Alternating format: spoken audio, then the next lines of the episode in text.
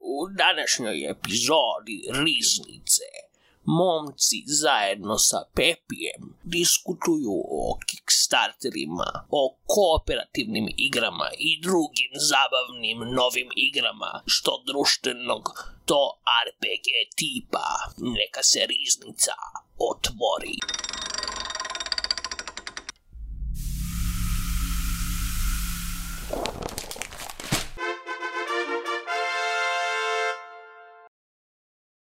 Dobar dan i dobrodošli u još jednu epizodu Riznice. Ja sam Kitić i kao i uvek sa mnom danas Laza i Dimitrije. Kažete zdravo Laza i Dimitrije. Ćao. I naš, sa nama danas uh, naš ponovni gost, prvi ponovni gost, Nikola a.k.a. Pepi. Dobro jutro. Dobro jutro. Da. Rana, rana jutarnja riznica, well, jutarnja u 12 sati. Ali, Nedelja je. ne, jutro, tako je. Eto, za, za, za audio slušalce znaju kad otprilike mogu da nas traže kad, kad smo live. Gde ste ljudi? Kako ste? Evo nije loš. Jutarnje, malo bolestan. Same. Da, ja, ja sam bio na moru i ja sam na moru, kao što mi dužnost to nalaže, odigrao osam igara, ja mislim, koje nisam ranije igrao. Um, I pored Savršeno, toga... imaš materijal da nam pričaš. Uh, mislim, nisu to nove igre, ali meni su nove igre, tako da... I neću, neću da, da smaram o tome da prepričavam svaku od njih, ali Targi igre Svaku od njih.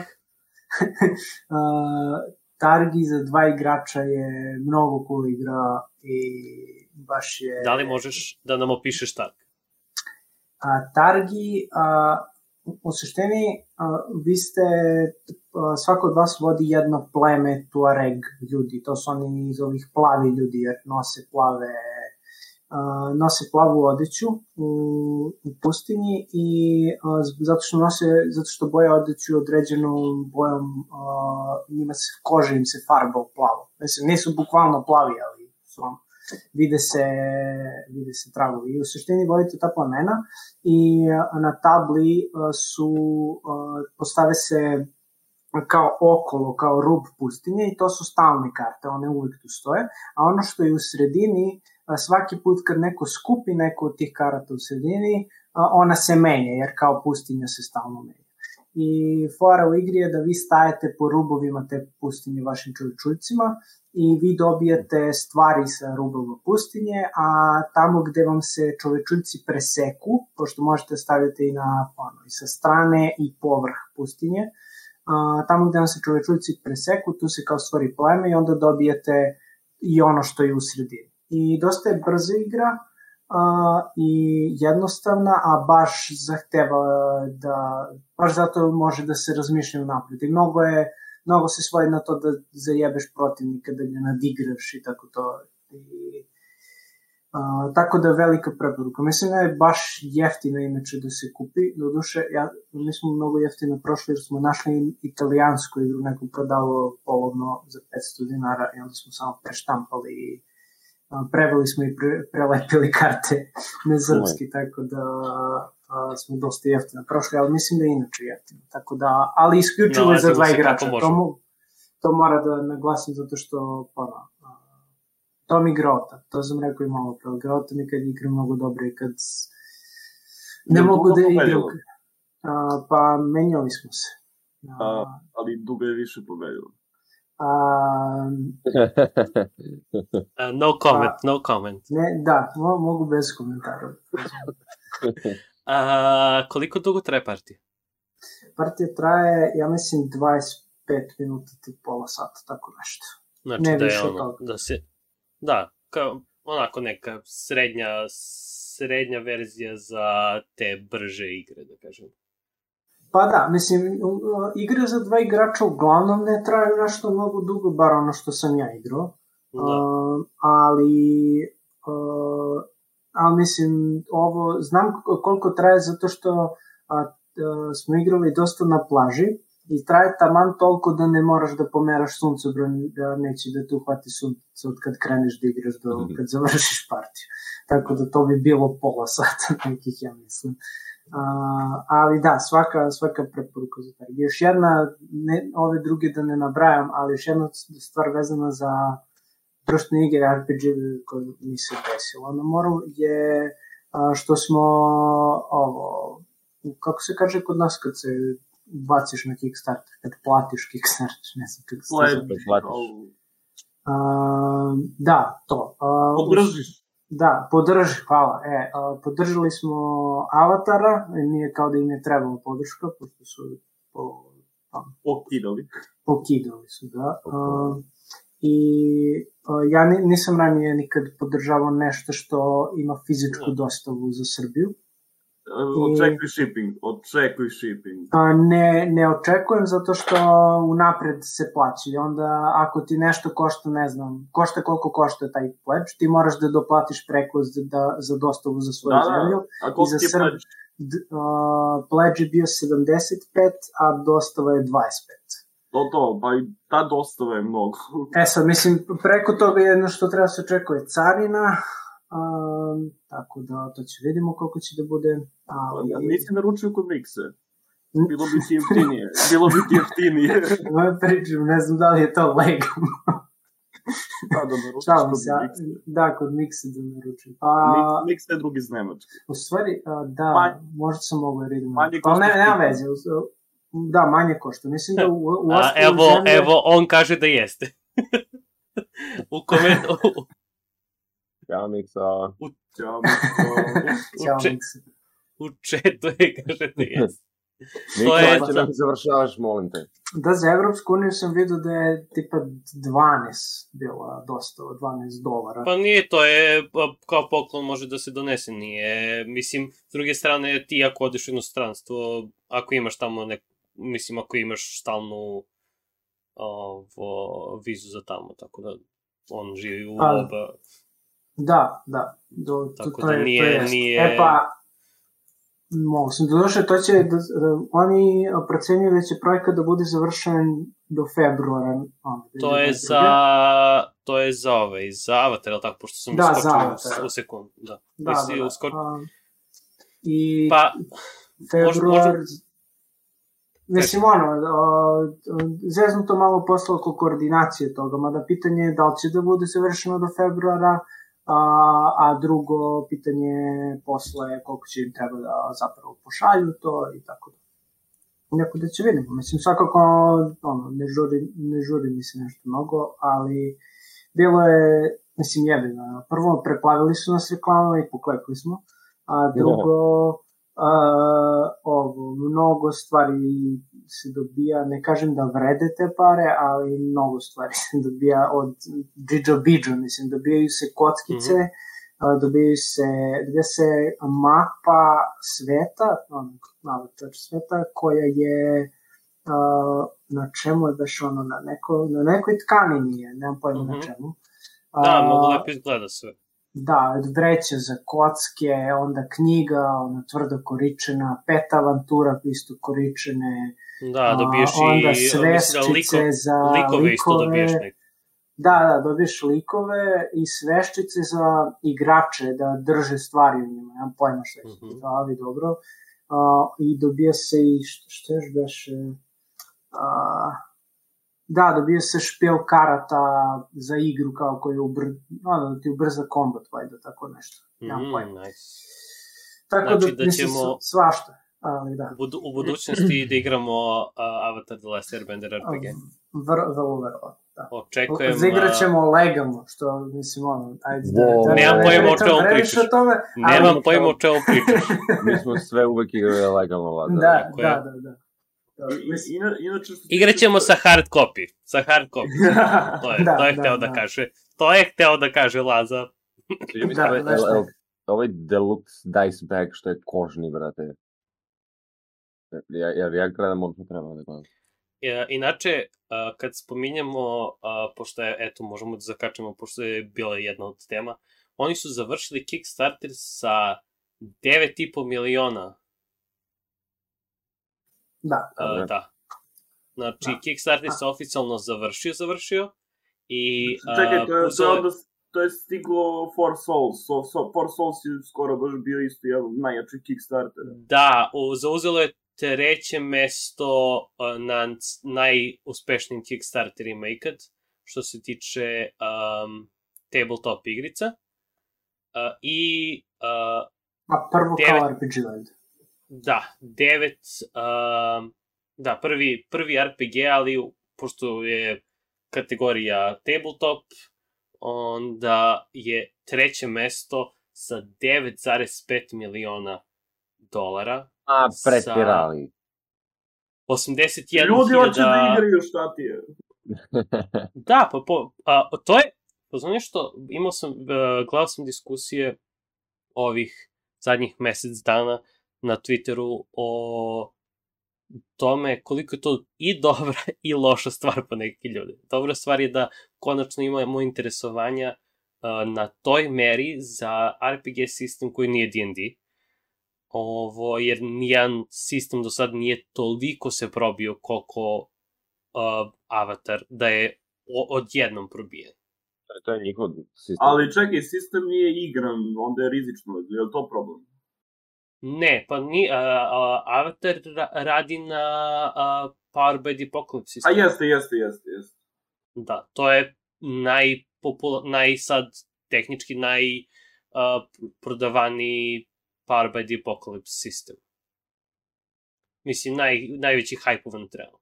I ljudi misle da će da se napravi barem neki, da će malo da se pomeri u tom indie aspektu da, mislim, da li može da se avatar nazove indie, pitanje je, ali ovo, Pa dobro, Indije, da ima neke, Indije u nekog, RPG svetu. da, da ima Mislim, nije. malo- da. Zato što kupili su licencu, znaš, ono, ili su Da. dobili licencu pre toga.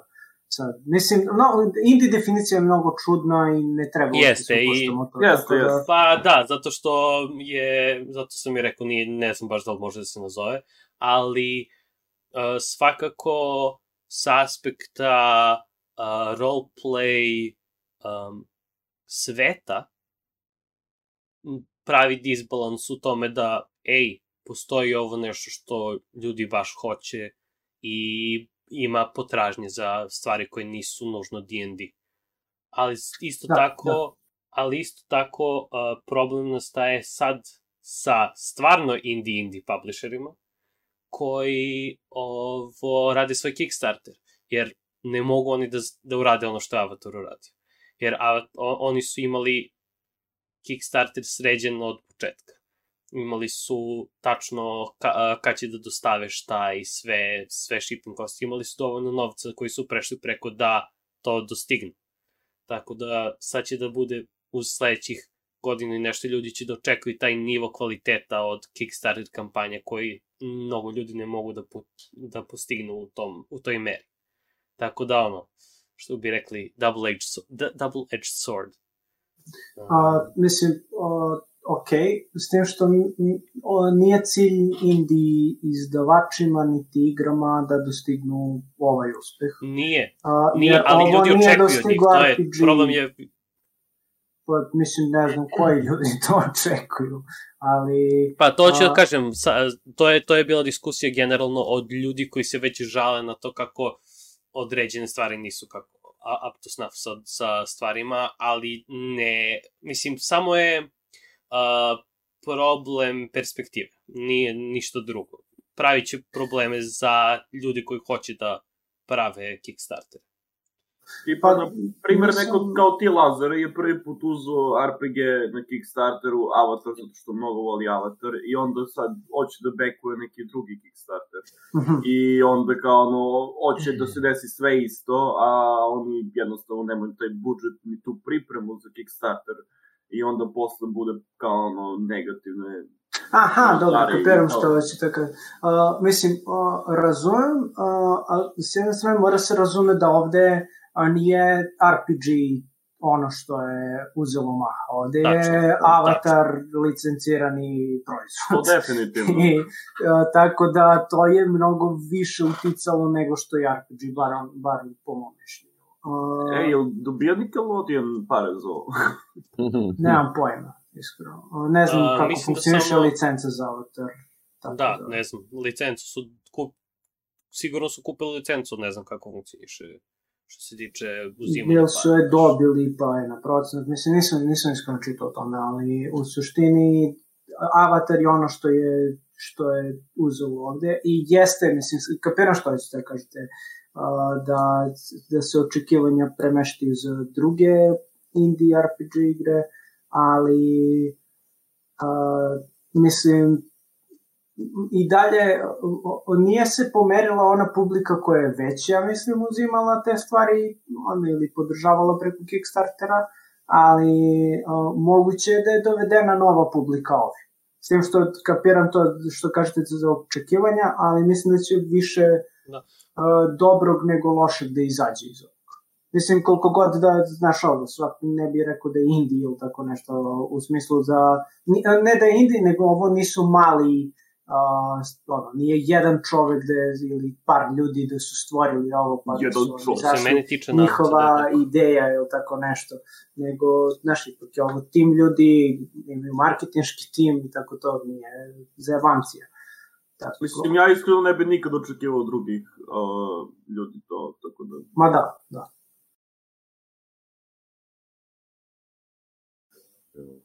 Mislim, opet, it's Avatar.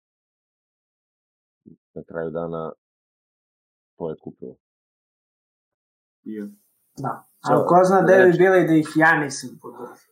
Ja sam ih pregurao. Znači, sada kao uh, prva osoba koju legit znam da je backovala neki Kickstarter, Ali ja sam backovo da, aha, dve Pa ti si osobe. druga osoba. Ja sam backovo tri Kickstartera. Svi su od Edmunda Molim? McMillana. Svi, pa da, pa gospodin uh, Isaac, je- priča sa da, gospodinom da, gospodin Isaacom. Isaac, da, da, da. I am a fanboy, yes. da. He is what they call a fanboy. Ako postoji, i- ako, a, imamo, imamo dve, dve osobe u našem krugu a, koji su mega fanovi Edmunda. Ej, i, uh, Ma Mladen Stojanović isto je veliki fan. Eto, tri, tri osobe. I on je backovo novi Kickstarter.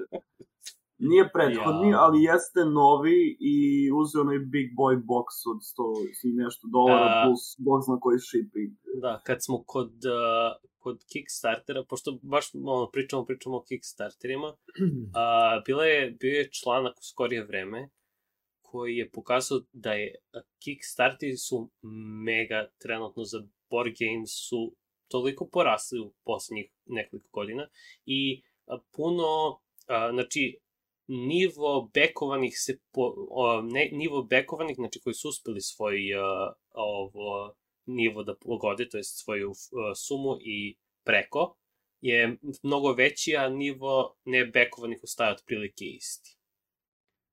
Tako da je veoma... Kako je to moguće? A misliš ne procentualno? Pa, pa a, a, znači, pro, pro, mislim, a, broj, ne procentualno. Znači, otprilike Aha. iste, otprilike isto, isti broj onih koji nisu back ostaje, ostaje isto, iako se povećava sama cifra uopšteno projekta koji su backovani. Aha, dobro, da- ima... Ok, kapiram. A, samo da vidim gde sam ja to našao. A, imate a, highlightovo sam ovde u a, Dokument. folderu, u dokumentu, da sad ću da otvorim i možda da mogu da vide a, a, grafikone, to jest audio slušalci će da im ispričamo već, ali da vidim da li mogu da prebacim na, Aha, vidio sam mogu. na ovamo. Brat. Znači, uh, ovako nešto. Wow. Znači, ovo je uh, nivo Kickstarter projekta. Znači, uh, prošli put, uh, znači što se tiče Tabletop Games 2021. pošto još nismo pri kraju, nismo još na kraju, ali je smanjeno, s, uh, ovo je u stvari prvi trimestar, prvi, prvi semestar uh, 2021. Prva polovina. Da. Ovo, I uh, manje ih ima 2021. nego 2020.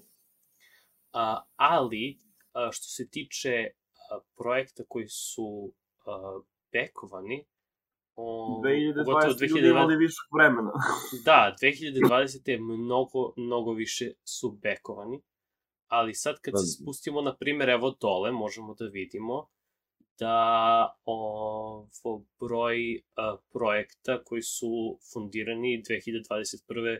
Uh, ovo prvi uh, ovo, prva polovina je mnogo veća od uh, u proteklih godina. Znači ovaj uh, 2021. prvi prvi segment je baš se povećao od, uh, na primjer, skok je za otprilike svake godine skok negde između 200 200-300 projekta da. koji su više bek, bekovani, a otprilike ostaje ista brojka drugih cifra koje su... Failovani. Koji, ni, da, koji nisu uspeli. A, a kad se gleda o, mm. o, o mislim, 2021. je baš a, o, 2020. to jest je baš puno a, para uloženo mm. u tabletop games, da. A ovo, kad se gleda znači svakako je ceo, ceo uh, Kickstarter um, svakako je ceo Kickstarter um, trend u povećanoj trajektoriji što se tiče društvenih igra i projekta koji se bekuju preko društvenih igra. Tako da to je meni bilo interesantno da se baci pogled na te cifre. Pa dobro, ali generalno tabletop i board game-ovi samo rastu i rastu iz da, godinu, od kad je počelo da bude popularno po ovom grafu 2012. pa da, ja bih rekao da je tu negdje 2010. 2012. Da, 2010. 2012. godina je negde da su igre ponovo krenule da budu uh, da bude interesantno. Da, me, više mainstream. Uh, pitao mi se u, u četu da li ima statistike za video igre ima najverovatnije, ali... Ima, ima, ima, ima ispod, evo. evo igre se smanjuju zapravo. Da. Da, smanjuju se. Manje se broj projekata za video da, da, da. igre. Uh, I to značajno. Da. Uh, tipa, u odnosu na 2015-2020 ima duplo manje projekata. Da, to. Zato što mislim da... Prvo, duplo. mislim da uh, su... Pa je polovina. Ali... Dobro, da, da, ali...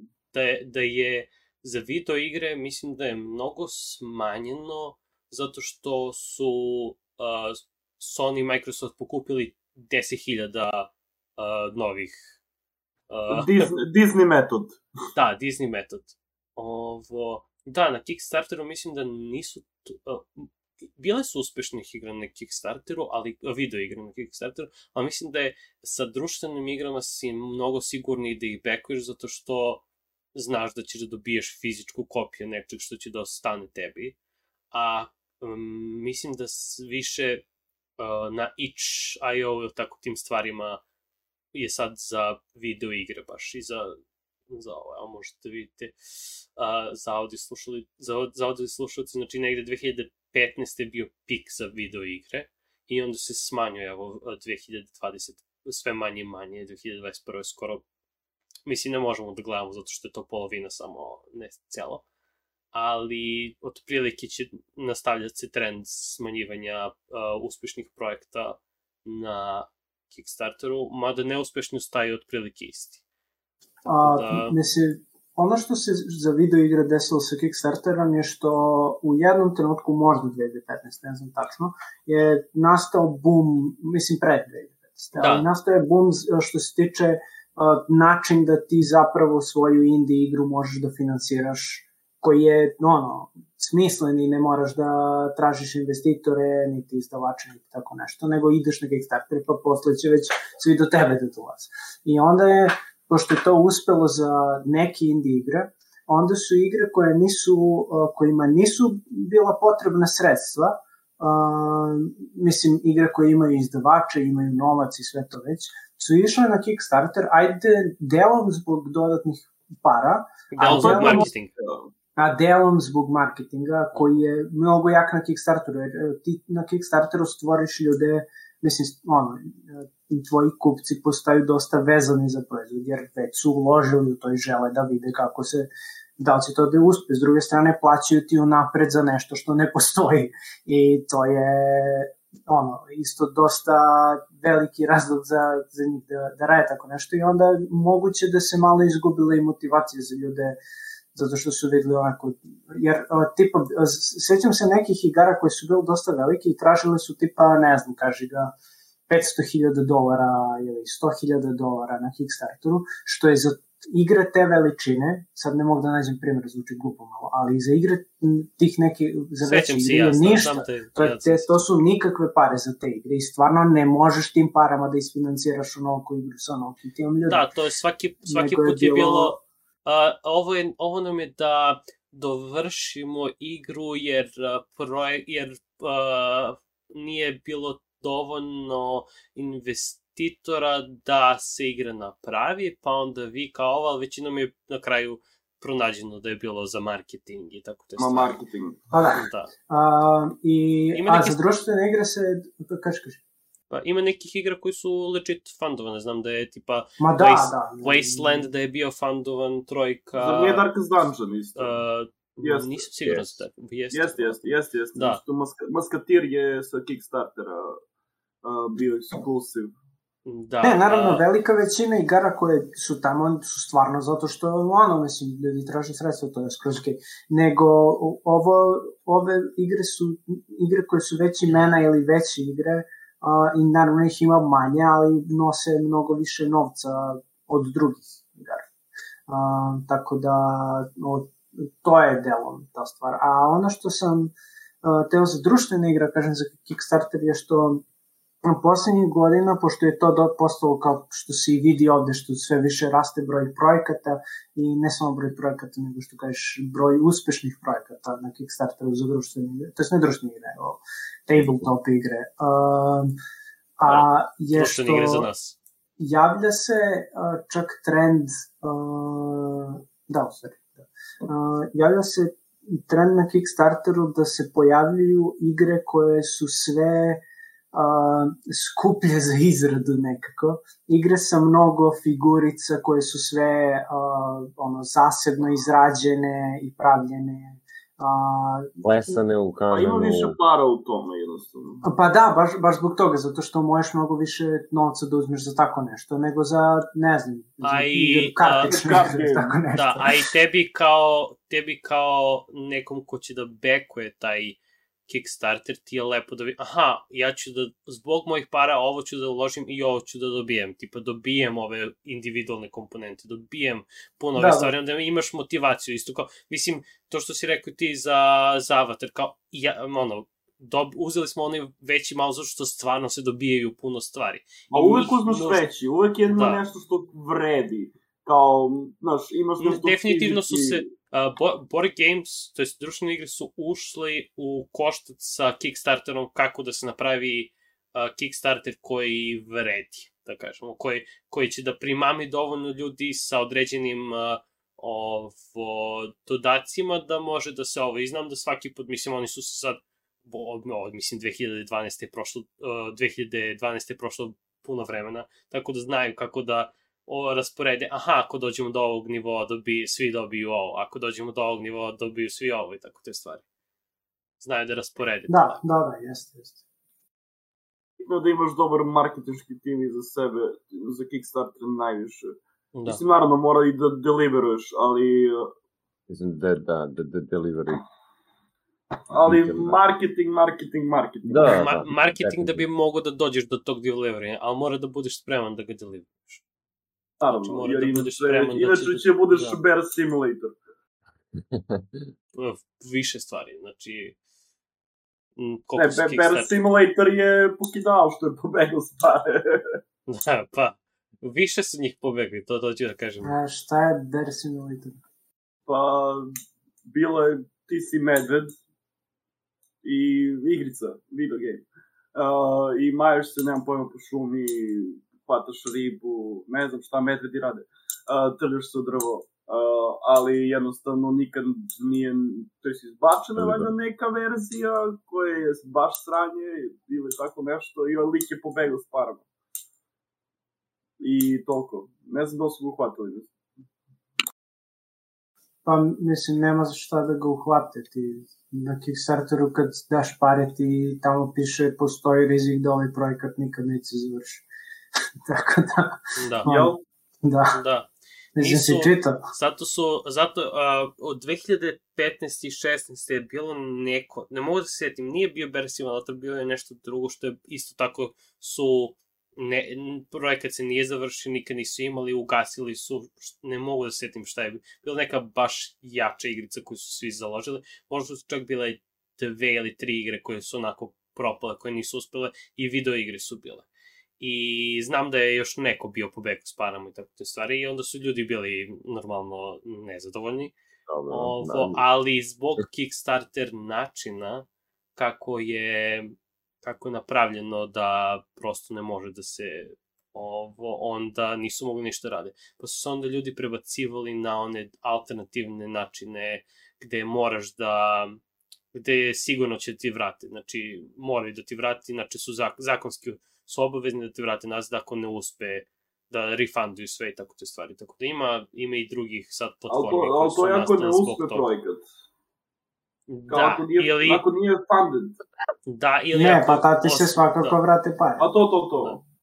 To je sigurno, ali imaš i mesta koje ono, zakon, to jest uh, ovo, možda ih tužiš zbog toga, zato ne potpisuješ isti ugovor kao Da, da, da, moguće, moguće. Bilo je, bilo je par platformi, jer se sećamo od kad, kao, baš oko 2000, tipa 13, 14 možda, kad je krenuo veći hype za Kickstarter, da je, da su izašle to na platformi kada, koje su bile alternative Kickstarteru za određene stvari. Jesu, jesu, jer je baš bio na lošem glasu taj neki period. Da. Zato što su bili Jesu. mnogo takvih projekata. Ja Ono, nemoj da ja, kickstartuješ, brate, će ti uzmu samo pare. Da. ja se izvinjavam, ali ja ne znam ko je, dru, ko je konkurent Kickstarteru. Indiegogo, Da, i Da, nikoga da, je da, bio da. puno. Najveći, ima još neki... Ne, Da, da, Fig, zove one od jeste, Double Fine. jeste, jeste, Fig je, Fig.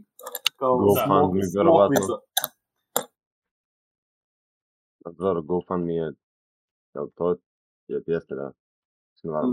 Mislim, uopće GoFundMe, ali nije on toliko za projekte baš. Da, Mislim, Da. je što ki, Kickstarter mi mnogo asociramo sa ovo, sa igrama trenutno, ali Kickstarter ima mnogo stvari koje se Kickstartuju. Mislim, tona projekta pro, prolazi kroz Kickstarter, tako da GoFundMe je za određene projekte isto i za, jer oni su i radili i za kao za šta rade, za šta trenutno rade, uh, za šta trenutno ljudi koriste GoFundMe je ono kao da se pod, uh, nekom pomogne u dobrotvorne svrhe i tako te stvari. To su i sa Kickstarter u nekom momentu koristili. Onda su bili po sistemu ne, ovo ne funkcioniše. Pa se vr, GoFundMe se vratilo i tako te stvari. Ima, ima različitih sajtova. Ne, trenutno mi ne padaju na pamet drugi, ali znam da ih ima puno. Dobro. Znači, igramo Avatara. Da, igramo Avatar. Da. A, februara ili kasnije. A kad će igramo Isaaca?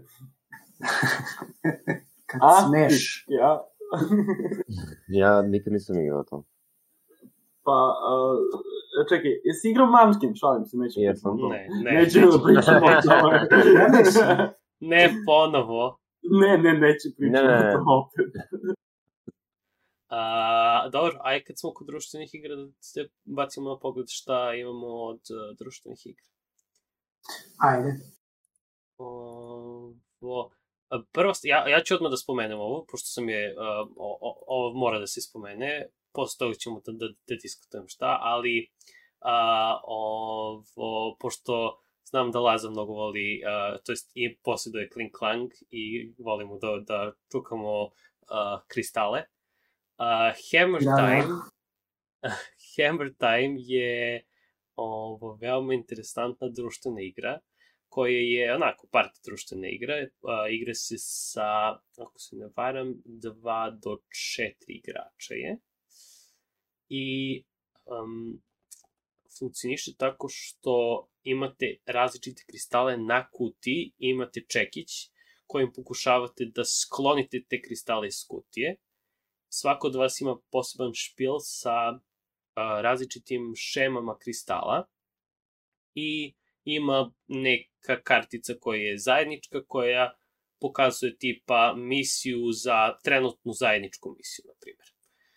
Ta trenutna zajednička misija možda bude, na primjer, a, izbaci a, parno, paran broj kristala ili izbaci neparan broj kristala. Ako uspete da pokupite tu kartu, dobijete džoker koji možete da koristite da umesto nekog od kristala koji je na, na, vašoj, na vašem tablu.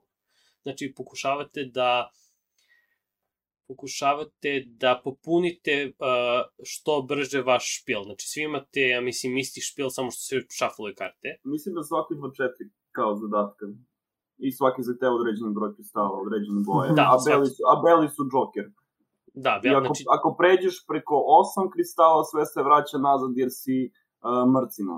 Da, znači, a, a, ako udariš, da, ne mo, a, to je ono, šta me spričava da ja udarim i da, da, da sve izleti, jeste da ako preko, preko devet ili više ovo, ako kristali izbacite, onda prosto ne, ne možete da ne možete da ukupite te kristale i vraćate ih nazad. Uzimate samo one kristale koji su vam da, koji su vam na zadatku, a ostale vraćate na vrh. Tako da... A meni je malo glupo što je na kuti ili na sto... Šta je ovo tačno? Kao, nisu smislili na jedan nekako kreativan način za, da za, ti kristali za vi, stoje. Vizualne, za vizualno gledalce ovo izgleda prilike ovako, za audio slušalce opisali smo prilike. Naprimer, o, ja. King, King Clank Clanker ima onu kao kulu, onaj Penguin Trap ima kao board, pošto to su taj tip igrice koji... Ovde nam je malo štucno u internet. Ako nas pratite na YouTube, dajte nam jedan like i subscribe. A ako nas slušate na audio mrežama, zapratite naše socijalne mreže. Hvala na pažnji i nastavljamo sa podcastom. Jej. Vratio se stream. Vratio, Vratio se streame. Vratio se streame. Da. Bravo. Nadam se da je vod dobar. Uh, ovo... Da, tako da ako, ako, da, ako, ako se dešavaju uh, tehnički problemi, uh, internet me izdaje nešto uh, danas, ne znam šta mu je. Svakako, uh, interesantno, ne znam, meni je interesantno delo je ova igra koja je za, za, za onako, brzo, brzo igranje, uh, zanimljivo i tako to. Tako da... Ali ključno je da pustite ovog Ice-T-a u pozadini. Uh, Šta? Hammer Time. Hammer Time.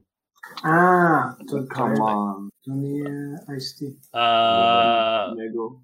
MC Hammer. MC Hammer. A, ja. Da, možda, možda, možda, možda mu i u imenu.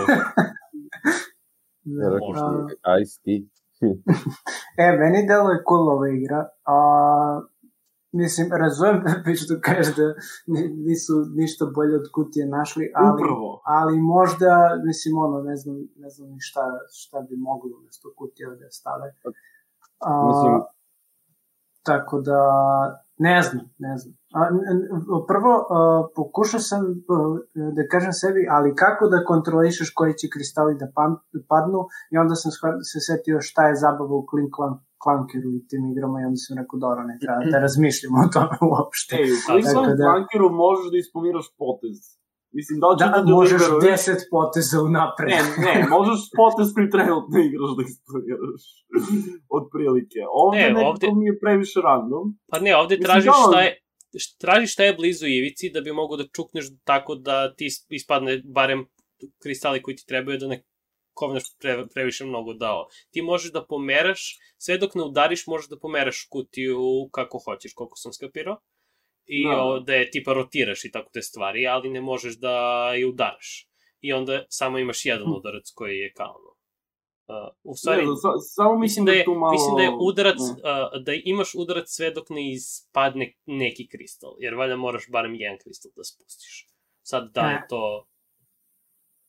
To je, to je već to pravilo i tako, to, to nisam, nisam zagledao. Da. Kapira.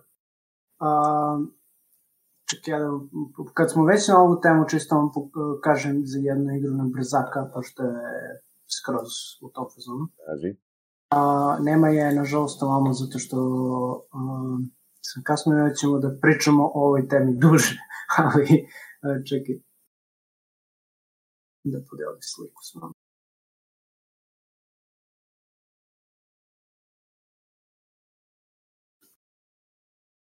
Zašto ovo igramo, zašto Hammer Time ima kocku? A, Ima zašto? kocku sa raznim bojama. Ima ko... A, ne znam zašto ima kocku. Nisam siguran zašto ima kocku. Sad ćemo da pogledamo. A, kocka sa različitim bojama. A, mm, ne znam. Sad ćemo da vidimo. A, moguće, možda je za a, nasumičnu neku stvar. Pa da, možda kao da nesumično bude neka kartica nasumično zadatak. Tako nešto. Evo, Da, Samo kao, što, šta radi ova kocka ovde? da. E, ovde da pokušavam opišem kako izgleda ova igra, The Fuzzies se zove. A, to je u suštini kula od nekih plišanih malih loptica a, koje se drže jedne za druge. Ja, vidio sam ovo. A, pošto stavite ih u čašu i onda izvučete čašu i one se drže jedne za druge. Ja ne znam kako se one drže jedne za druge. Nije, nije materijal nije onaj, kako se zove, nije čičak ili tako nešto, nego su plišane, ali možda se kao tipoljci stisnu jedne za druge ili tako nešto. Ne, nisam tačno siguran. I onda izlačite kartice i kad izvučete karticu, pošto su te kuglice raznih boja, to je loptice, i kartice su raznih boja, onda izvučete karticu i zavisno koja je boja kartica, vi morate da uzmete jedan takav, a, takvu lopticu te boje i negde sa donjeg dela kule, to jest tornja, i da ga prebacite na gornji deo bilo gde. E sad, one, kao što sam rekao, ne znam kojom silom se drže i ne znam kako, a, kako a, da se uhvate lepo. A čekaj, koja je poenta? Poenta je da...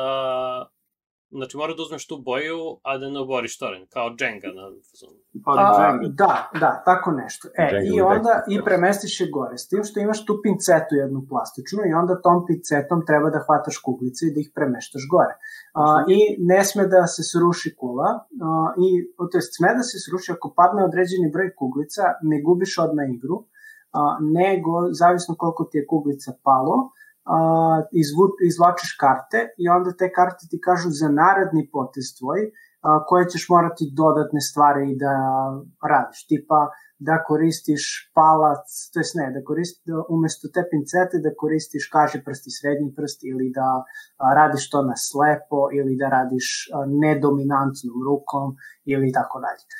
I onda u suštini a, fore, ono, mislim, ko duže izdrži kao, kao Django u tom fazonu. Ma kako se drže, gledam Shadow the Ne znam, ne znam kako se drže. Nije mi A, jasno pretpostavljam da su, da su međusobno, da su međusobno tipa Ima uh, magnetiće, ima magnetiće. Ima Nema magnetiće? šanse. Moguće, čekaj, čekaj, mislim da Ne, je to. ne bih rekao da ima magnetiće, mislim da je samo tak... čičak fazon. Da, čičak. nije čičak, ali nije čičak. Zato što čičak bi se uhvatio kad se stisnu mnogo jače. Ovo se stvarno ne drži toliko jako, bar ono što sam ja video na snimcima. Naš čičak bi morao da povučeš ili da iscimaš. Ovde stvarno po me mnogo je lagano da ga odvučeš. Nemam pojma kako se drže, ali se drže. I a, bukvalno na snimku, pošto gledao sam ja taj što da pensidon, Pepi što gledaš sad, a, na snimku vidiš, pošto je onako makro, ili se makro to zove kad snima izbliza, a, i Da. A, vuče ga za dlaku jednu, o- njegovu, od loptice. I, izvuče ga i drži ga za dlačicu. I ne znam, nemam pojma šta se dešava tu, niti kako se pošle Možeš da za dlaku. A, da, da. Ah, nisam htio to da kažem, ali jebi. Tu sam ja, tu sam ja. Sa Terosim i Ćorsom. Um, da, tako da eto, ako volite igre koje su kao Jenga, ali uh, I lepljive. Jenga dosta, Ali dosta- malo Da. čudnije. Ma kako Ma- se drže, bre? Da, misterija ovog podcasta, kako se drže a, Hvala a, na pinje, loptica sad u i fazi. mene upravo gledam, brate.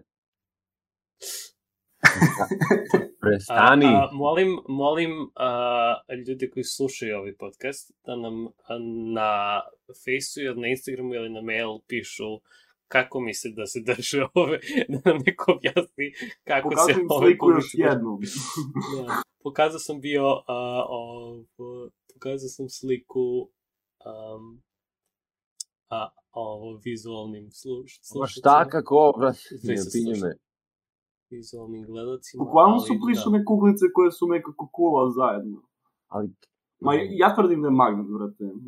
Nema šanse da je ne, magnet. ne, ne, ma, mislim da bi imao jaču silu da, ono, ne bi mogla... Ali, Da. nije, ali gledaj, fora što je to magnet koji oko sebe ima taj plišani deo i onda nije toliko jak, zato što... Uh, A, ali da. opet, znaš, ono je Slabi. Slabi Brate, magnet. koliko ste se vi igrali s magnetima? Evo, ja ovdje imam pored sebe dva. Uh, Evo, baš slučajno imam pored sebe dva reči.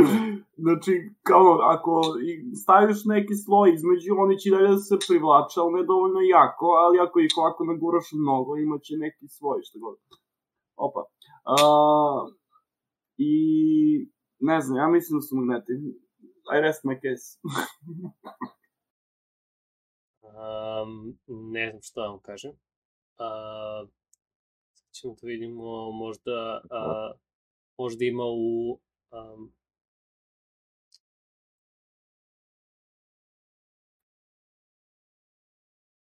A jel može s ovim da se igra Dread? Može. da, može se igrati s ovim. Ja, da igraš horror igru sa baš a, A, može, ovako može ti nečim igraš... slatkim. Ne, Uzmi sa ne. klovnovima, sa klovnovima. A, a, a, zadrži, zadrži, Da, tu, okej. zadrži tu ovo miso, jer imamo kasnije RPG o, klovnov, o klovnovima koji uče klovnovsku magiju a, da bi spasili a, sve. Ovo, ali a, možda da igraš tipa Happy Tree Friends ili tako nešto sa ovim. Tak, tako neku Znači, kampanju. znači morbidni horori only. da, morbidni horor, evo, evo za, da još jednom da pokažemo otprilike kako to izgleda. A, da, to je ovako nešto. Veoma je, znači, bukvalno puhnaste kuglice je, je kao, kao tupferi bukvalno izgledaju. Znači, jesu. a, a različite, različito obojeni tupferi koji a, se nekako lepe, ne znam kako se lepe, ako ima neko ikakvu predstavu kako se lepe. Ali imam jedno pitanje, šta je s nama i s ovim igricama koje su za decu? A, za Ova igra se zove Fazis, inače. Da, inter- pošto- interesant. Da. The Fuzzies za 2 do 4 igrača. A sve igre e, mogu da budu za decu. Uh, možda. samo moram, moram da kažem, moram da kažem ovo. Um, 2 do 4 players na Board Game Geeku. Uh, community uh, kaže 2 do 4 igrača. Best none. Bolje nemoj da igraš. Samo, samo nemoj, ne, nemoj da igraš. da, Da, sa, da. sa pincetom se vadi i onda imate različite stvari koje koje kao vas teraju da drugačije vadite. Da se- bio A, a treba da ubace metod da čekićem vadiš, zato što... E, e, ili Da. pijukom. Ili pivkom, zato što ja tako volim. Isključivo ti tako. Zato će da... da rudariš Fazis isku. Ajde, pričajte mi o The Spill. The Spill. Pepi. Uh, A, to, evo ovako, Spill je društvena igra gde, koja je kao pandemik, a, u smislu da morate zajedno, u- pa oni ga upoređuju sa pandemik, zato što ima, kao morate da se pozicionirate na razna mesta, a, ka, opisuju ga kao brnuti tower defense, jer kao prosipa se na sve strane ovo ulje iz nekog, e, nemam pojma nija, tenka, usred okeana i vama je cilj da nam ne umre planeta, guess. Uh, I cela igrica je inspirisana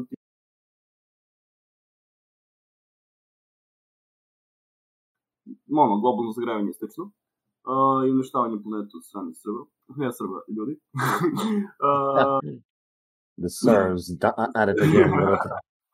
I mislim, generalno to nema baš mnogo o gameplayu, generalno samo se pozicionirate, imate neke kockice koje su oko tog uh, kanistera koji je koji pušta naftu u okean i treba da rešavate te zadatke ka, i da se pozicionirate dobro, da ih rešite, svaki karakter ima svoje moći i tako neke stvari.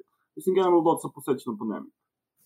A, Da, mislim, izgleda dosta cool, zato što ima, igra je nekako radijalna, ima jedan krug na sred mape i onda unutar tog kruga je kao crna fleka, zato što je u okeanu ova naftna bušotina koja je izašla i na sred je plastična ova, kako se zovu ti, ona radilica, stanica za, za bušenje u okeanu koja je plastična i visoka onako iznad svega toga.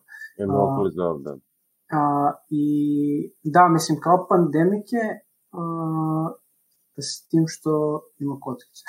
Ali uh, a jedna što, što ja se uvek plašim kad, kad su kooperativne igre, je što ja stvarno volim Pandemic uh, da kad sam ga igrao prvi, drugi i treći put, ali uh, ako ga odigraš par puta i onda hoćeš da ga igraš s novim ljudima, to postaje stvarno teško, zato što ti znaš kako se igra, a, igra je ta kooperativna igra i onda a, treba zajedno da pobedite, treba da se dogovarate, ali ti znaš bolje od drugih. Da, da. I onda neko ono, bude kormilar igre i kaže ti radi to, ti radi to, ti radi to. I onda svima živimo bude dosadno, čak i tom koji navodi uh, iako to jeste najefikasniji način da se igra i do, onda je dosadno, tako da mislim kapiram da to legacy pandemici peglaju, zato što ono, igra se kampanjski, igra se jedno, ali nadam se da ova igra to to pegla, jer do sad to mi je glavni problem bio u kooperativnim igrama i jedini ni načini na koje sam vidio da to rešavaju, da sam stvarno uživao, su igre u kojima uh, imaš ograničene informacije ili ne smeš da pričaš kao što su The Mind i The Crew uh, i onda tu ne, niko ne može da bude kormilar i da kaže ljudima šta da radi. Ili Hanabi, recimo. Da. Uvek se, uvek, u, uvek sa kooperativnim igrama, nažalost, imaš tu tu potrebu da im, da neko, moraš mnogo da se ne da se ne fokusiraš na to da budeš kormilar, ali onda ne, ne ispadne kako treba. Onda je malo... Znači, Kitiću, objasni uh, Lazaru da kad igraš Hanabi, jedini način da pobediš je da rešiš sve. Znači, sve špilove. Ne možeš samo određeni broj da pobediš na nekom nivou, nego samo možeš skroz da pobediš i skroz da Efi, pusti ljude da igraju kako hoće da igraju. Znači, ako a, savršeno, savršeno je ok da se ne igra, jer Hanabi postoji uh, postoji nivo da bi prosto da bi te motivisao da igraš na, na većem nivou kasnije. Da se čuva da se... veći nivo. Ne, mislim, pa ja, da, ja... mislim, po, ono, pobeđuješ sve rezultat. Se, nije... Šalim se. Da, rezul, rezultat, ideš... ideš pa sad se šališ, Pepe, ali kad smo igrali Hanabi, došli smo do jednog trenutka gde smo jednu peticu izgubili i sve ostalo nam je kidalo i ti, ono, u očima ti se vidlo da ti je usahla sva želja da nastaviš da. Pa, zato što meni cilj u Hanabiju samo da pobedim dok... Pa znam, što kaže da se šališ onda. A, o, gledaj, ja sam u tom trenutku izgubio Hanabi, vi ste možda kao imate neku utešnu nagradu. Ali, da, da, mislim... a, a, manji poeni u Hanabiju su utešna nagrada, da. Upravo, upravo. Aha, ti u tom trenutku igraš da se deca zaraduju, onako, a ti je, si tako. te ja, ja, sam, ja, sam izgubio, ne, ja sam izgubio, ali nema veze. ja, može. Uh, uh, to, je, to je moj problem sa 100% igricama. da. To sa igricama u kojima a, a, pobjeda nije definisana tačno, pa si ti odlučio da bude to samo maksimum. Samo, samo maksimum. Da. A, imamo... Ja, a ja mislim, Kitić, kad smo igrali u Goblinu, da smo, prvi put kad smo igrali u Hanabi, da smo odradili 25. Um, pa ne mogu da se, mislim da, je, jer svaki put kad smo ciljali smo na, mislim da smo prestajali igru ako nismo išli na 25, ja mislim. Vidiš, Lazare, Jer, ali, ali problem je što je u, u, u Hanabiju i pogotovo kad igraš sa, sa novim ljudima, ljudi mnogo vole da sugerišu stvari. Mislim da je jedini put kad smo stvarno igrali Hanabi, kad je neko bio da, zadobio challenge da ne može uopšte da ništa ne može, bukvalno samo možeš da gledaš ljudi i da pričaš ono, ono naj uh, sterilniji način igranja Hanabija i uspeli smo tako da, da dobijamo maksimum pojena. To je jedini put kad ja... mislim ja ti Dime i Kać. Da, i o, to je mislim da je tad bio s nama. Nas moguće, petoro moguće. smo, jer mislim da, sa, sa, smo sa full, ili je Milanče bio s nama. Neko od nas. Ovo, svakako smo bili po sistemu, moramo ovo da završimo i će, će da radimo i hardcore, ovo smo na 25 i to je, ja mislim, jedini, jedini put kad, kad sam ono Hanabi, da kažem, pobedio sam Hanabi. A, Sigurno ja mislim, znam da sam ja pošteno... Ja mislim da to meni, bi, meni je to bilo prva partija Hanabi, by the way. Mm, pa mislim da onda nije bilo tad. Možda je bilo ka, posle. Ja znam da sam sad imao mi kaćem igrao baš ono jednu najsterilniju verziju Hanabi, ali ne mogu da se setim. Mislim da nisi prvi put igrao. Onda. Kasnije smo igrali, igrali smo, znam da smo igrali sa ljudima koji su sigurno igrali bar nekoliko puta Hanabi ja sam igrao, vi ste svi znali da igrate. Ja sam bio nov i rekli ste ovako se igra i kao, no, mora skupimo 25. Ja sam rekao, ok. Let's go.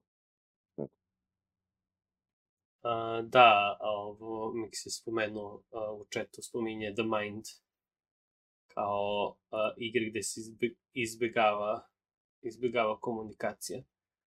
Ovo, Da. Ti, se beš, ti, ti beš imaš to manje glazova. A, imam. Opiši, nam, opiši nam, opiši nam The Mind. Opiši nam The Mind. The Mind je a, kooperativna kartična igra.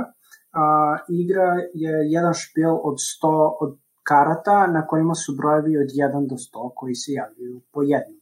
I a, igra je takva da se svakom podeli određeni broj karata, zavisno u kojoj ste rundi, i idete, ne znam, do 12. 10. rundi, tako nešto, i toliko karata imate u ruci.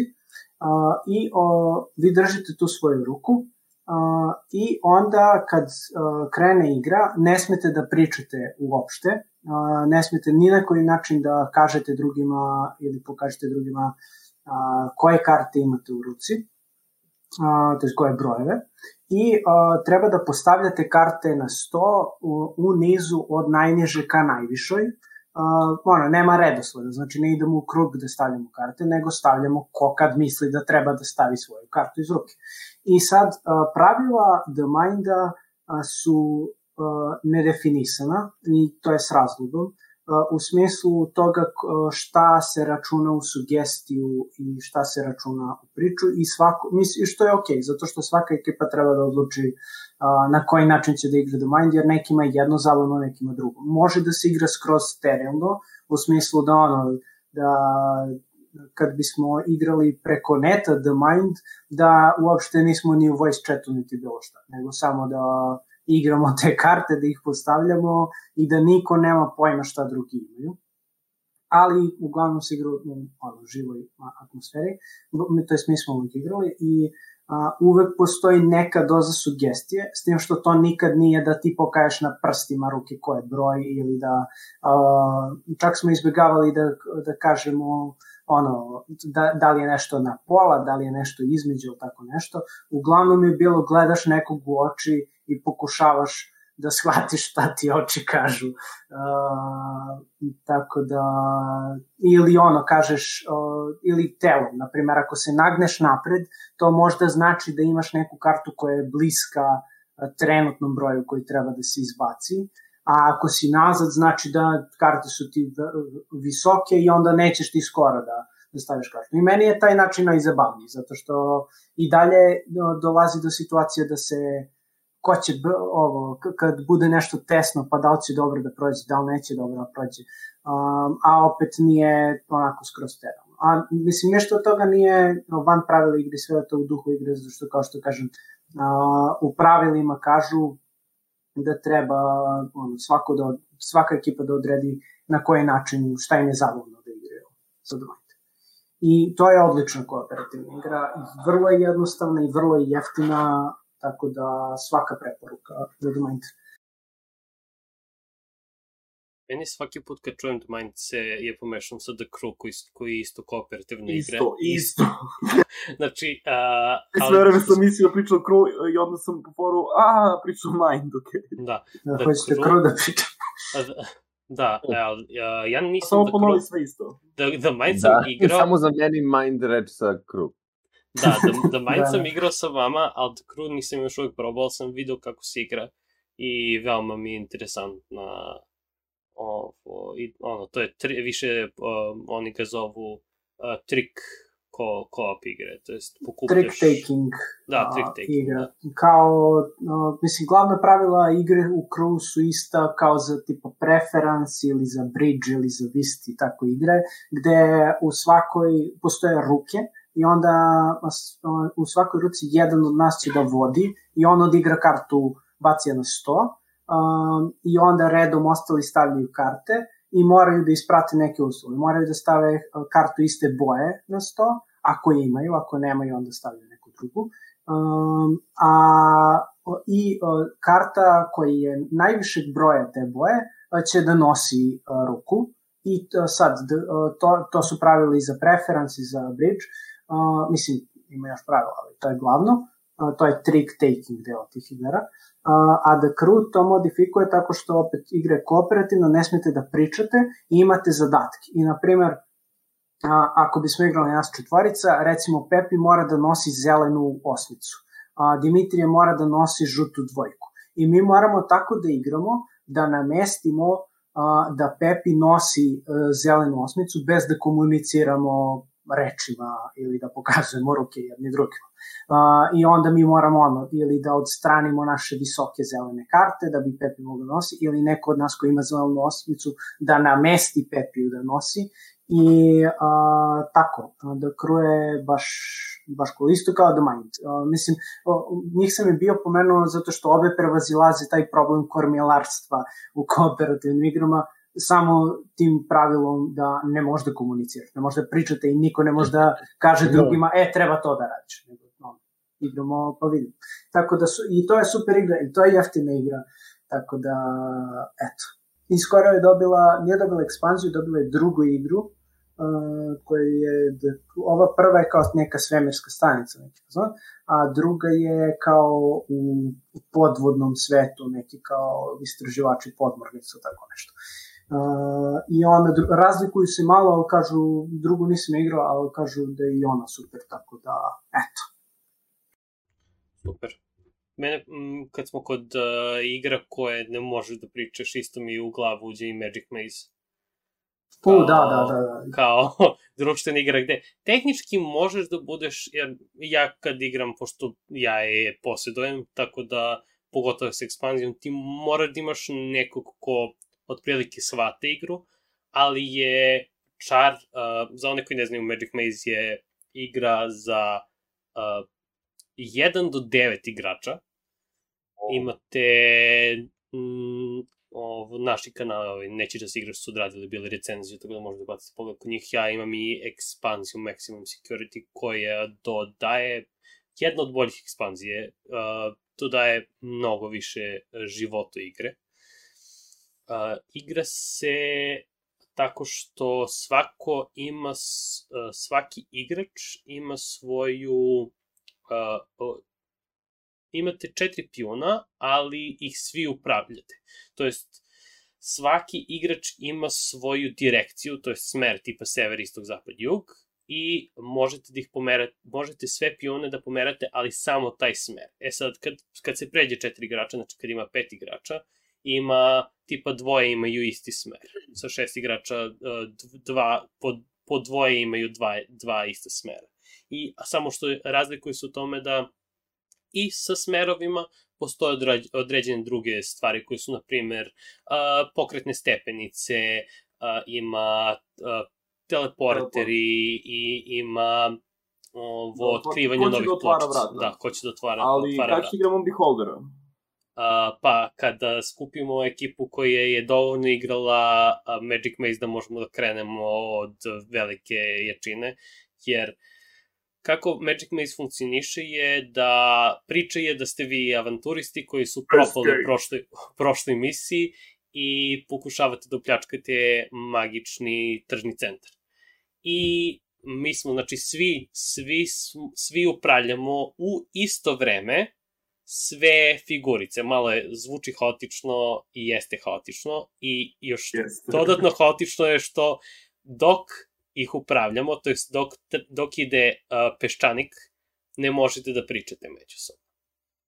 Tako da možete da pričate pre, možete da se dogovarate svaki put kad okrenete peščanik, možete da ga pauzirate, da ispričate jer vam treba strategija, jer kada igrate, pogotovo sa više od četiri, to može da nastane haos, ali to je jedna od onih redkih igri gde kada gde, može da se desi uh, da svi isto razmišljaju.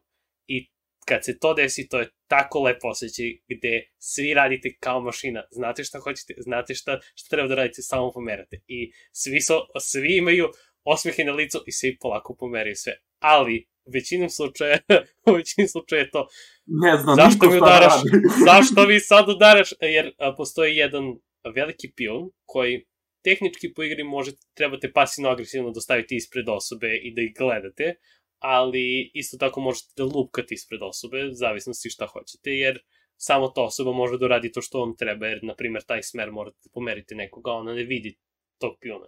I onda ta osoba mora da, Da. pomeri tog piona. I onda na, nastane haos, frustracija i tako te stvari, ali svakako, mislim da svi do sad što su igrali sa mnom su se zabavljali sa Magic Mazeom. Naporna igra, nije za... Naporno je, kada, kada igra se dosta, onda si poru ne mogu više. Da, Da, da, baš Ali- je crpi igra. iscrpljuje baš- igra, ali je m, zabavno Zanimljivo je, da, zato- zanimljivo je, samo se umoriš u jednom trenutku jednostavno. Da, da, da. Da. I uh, modularne, tako da kreće se od neko, od uh, veoma prostih stvari, da se skapira kako funkcioniše peščanik, kako funkcionišu otvaranje pločica i tako te stvari, do, sve do ekspanzije koja dodaje i... uh, Multiuniverzum. da, mislim, uh, zadnji deo base game-a je da uh, se uh, podeli u dve dimenzije i onda mora da se skače po dve dimenzije, tako te stvari, ili, znači, na dva mesta se otvaraju pločice, ili u ekspanziji se dodaju policajci koje isto mi upravljamo, isto kao pijune, ali ne, pijun ne sme da uđe uh, u polje gde je policajac. Pa onda imamo beholdera koji blokira cele pločice, isto kao ne može uopšte pion da uđe ovo, tamo gde je beholder. Pa beholdera mora da se, mora da se nađe posebna soba koja pomera beholdera da bi mogli uopšte da pomerimo beholdera. I to je komplikacije, komplikacije, ali E, ta beše ekspanzija... soba ima bukvalno dugmiće gde mora da dođeš do dugmića da, Da. bi pomerio bih ovde. Užas, Tako je. užas. Moraš da, moraš da dođeš sa, sa pionom do tamo da bi mogo da pomeriš beholdera. Nećemo nikad to da pređemo. I, a, pa, a, veoma smo bili blizu da pređemo tipa, a, da kažemo, skoro, skoro sve dodato iz base game i ekspanzije. Mnogo ja teško je, teško je, ovo, ali a, Beholder je veoma interesantna mehanika. Ovo, ima, nema samo Beholder, ima i a, zaključene kapije i puno stvari, ekspanzija dodaje puno i otežavajućih stvari i olakšavajućih stvari, jer Generalno olakšavajući... ima re replayability i čak i Da. ono kad, nau, kad naučiš jedan deo, uvek mu ima teže, uvek ima teže. Apsolutno. Igre, znači igre tehnički do 8 igrača, ali može da se igra mod gde je 9 ta osoba, jedina osoba koja posjeduje cr, džinovsko crvenog pi- pijuna da može da lupka ljudima, da bude kao general. Tako da ima ta opcije i ima opcija da se igra solo.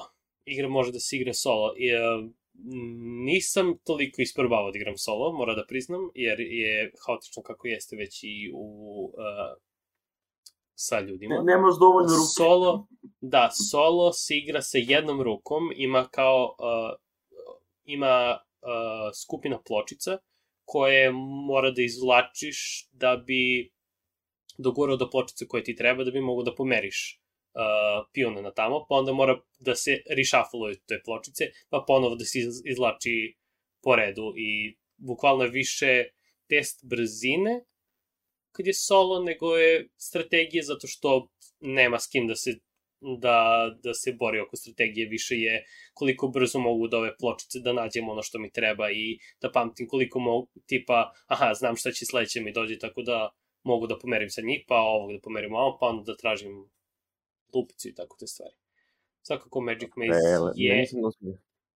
Zvuči Mhm. cool. Zvuči cool, A, zvuči haotično. Apsolutno. To je sve što želim. A, sledeći put kad igramo nešto ću ponesem, pa da probaš. Escape je dosta sličan.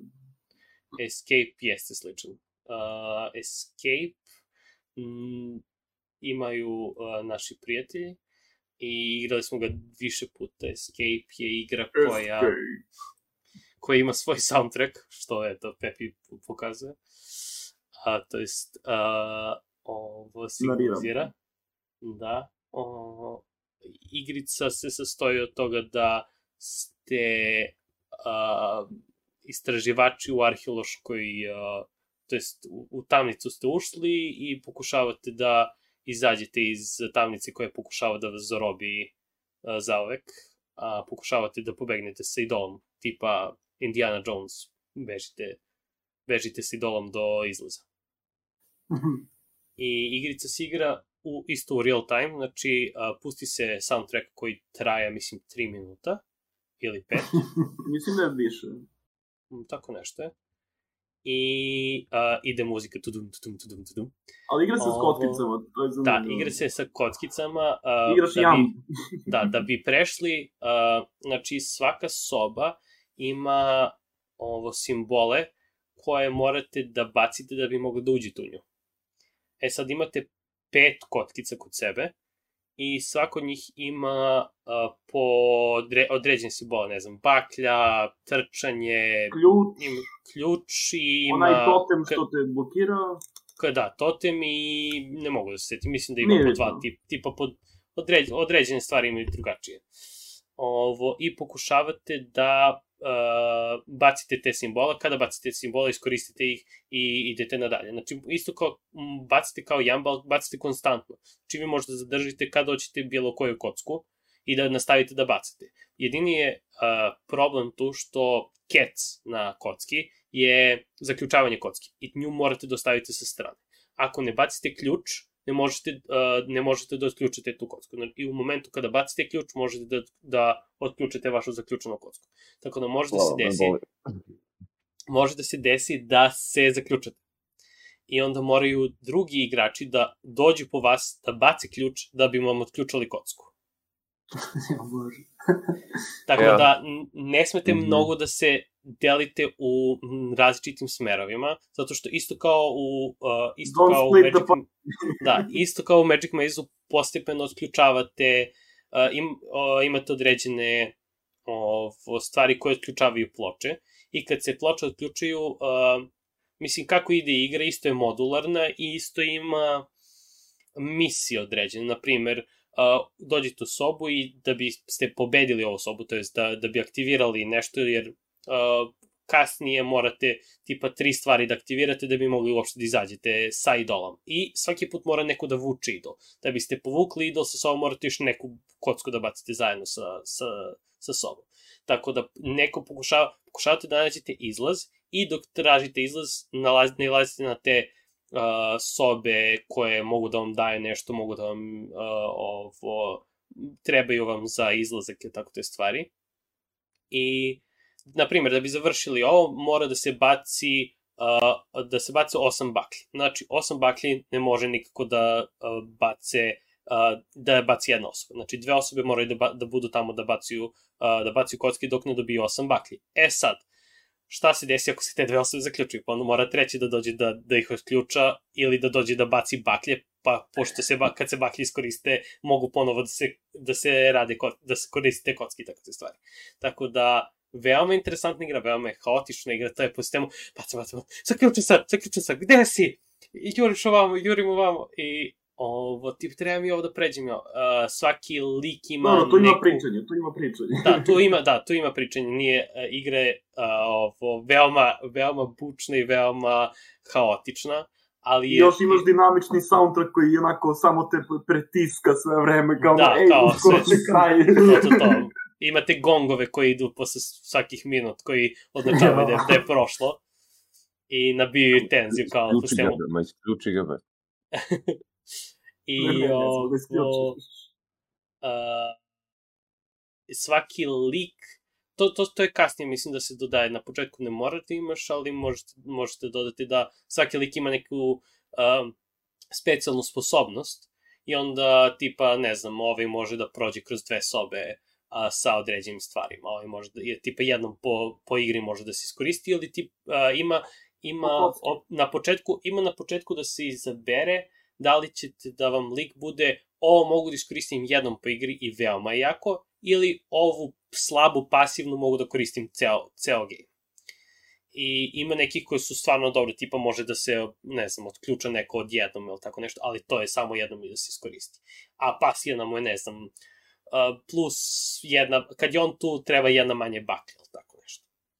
Ovo, tako da u, u grupnim stvarima. Ima, ima različitih, više, to odavno smo igrali da ne mogu da se sjetim sve, svih tih pasivnih, ali da. interesantno je o, sa aspekta co-op igranje i tu isto, uh, isto se postiže da ne može tehnički neko da bude, mislim, možda bude glavni tipa, e, treba da idemo ovamo, ali u tom haosu nemaš vremena da kažeš, e, sad, no, no, slušajte sad mene svi, nego, Ljudi. nego, e, ljudi, ovo nam sad treba. Više je uh, po sistemu, ovo je sad neophodno, ovo je sad nužno, ovo je neophodno, moramo ovo da radimo, ovo je neophodno, moramo da radimo. I svi znaju da je to neophodno, moramo da radimo i ta, tako se gleda. Ima mnogo interesantnih igri, stvarno je jedna od najboljih, ako ne i najbolja kop igrica. Jel beše dobijaš CD uz igricu? Da, dobiš CD-ovu igricu. CD, ljudi. Da, pa stare CD. igre, C, stare igre, Escape je iz čemu, koje je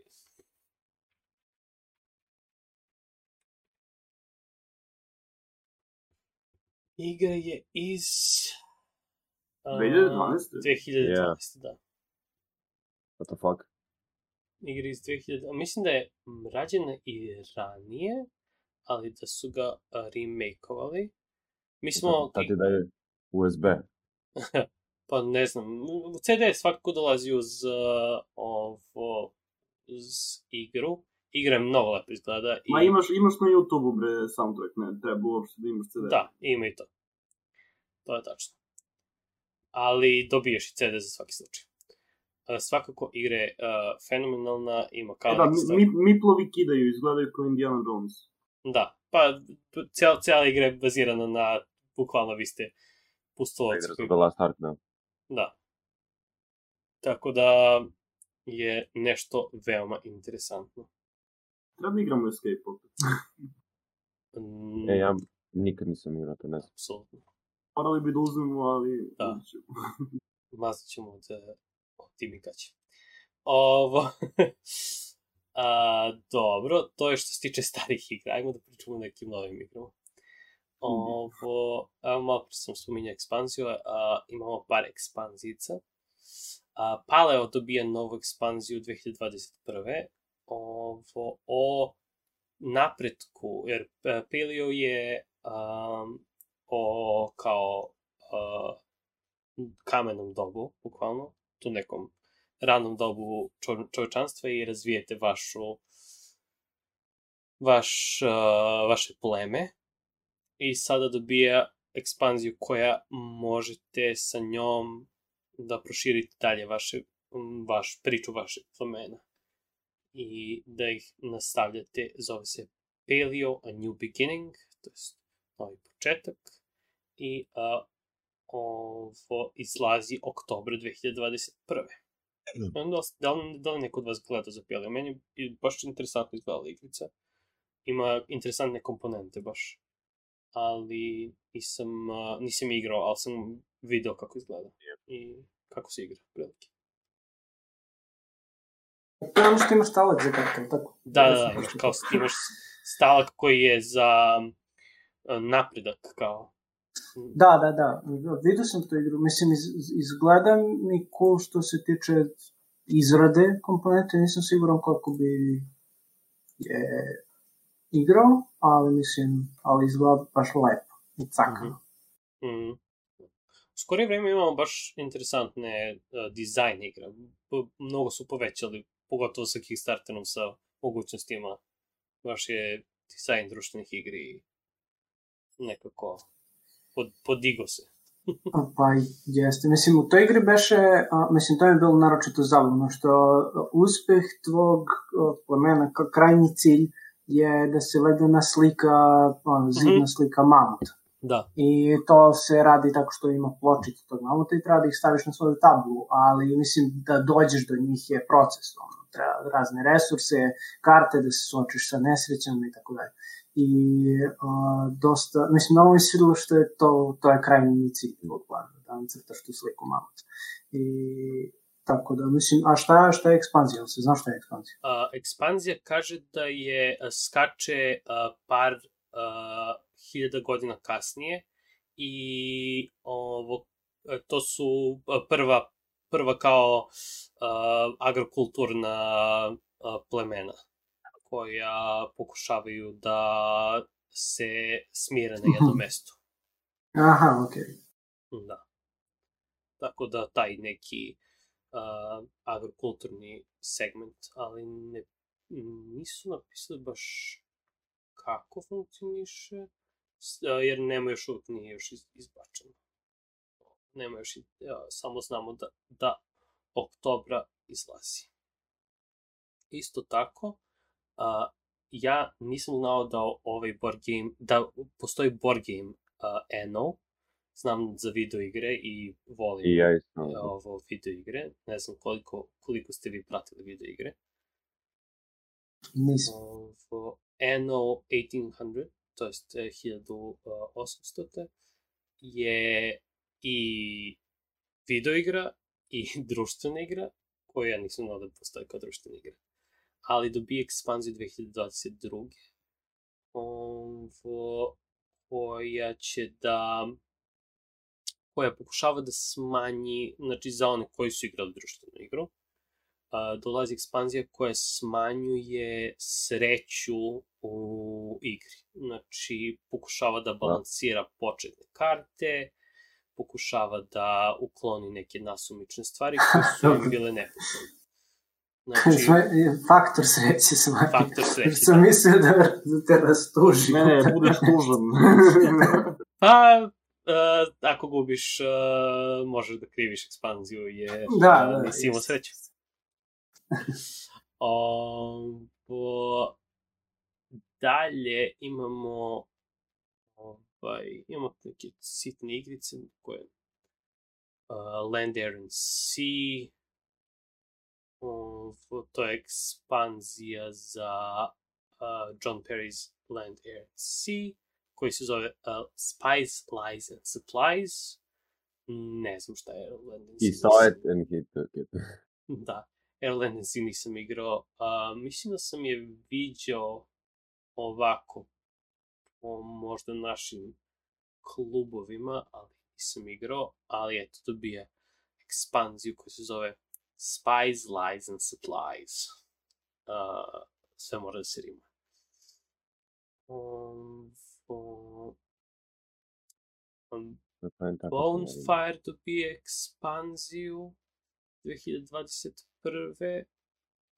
Mm, tako da ako ima ljudi koji su koji igraju Bonfire, on dobije ekspanziju. Uh, War of the Rings, War of the Ring igra, koja je bazirana na uh, Tolkienovom uh, svetu. War of the Isto- Ring.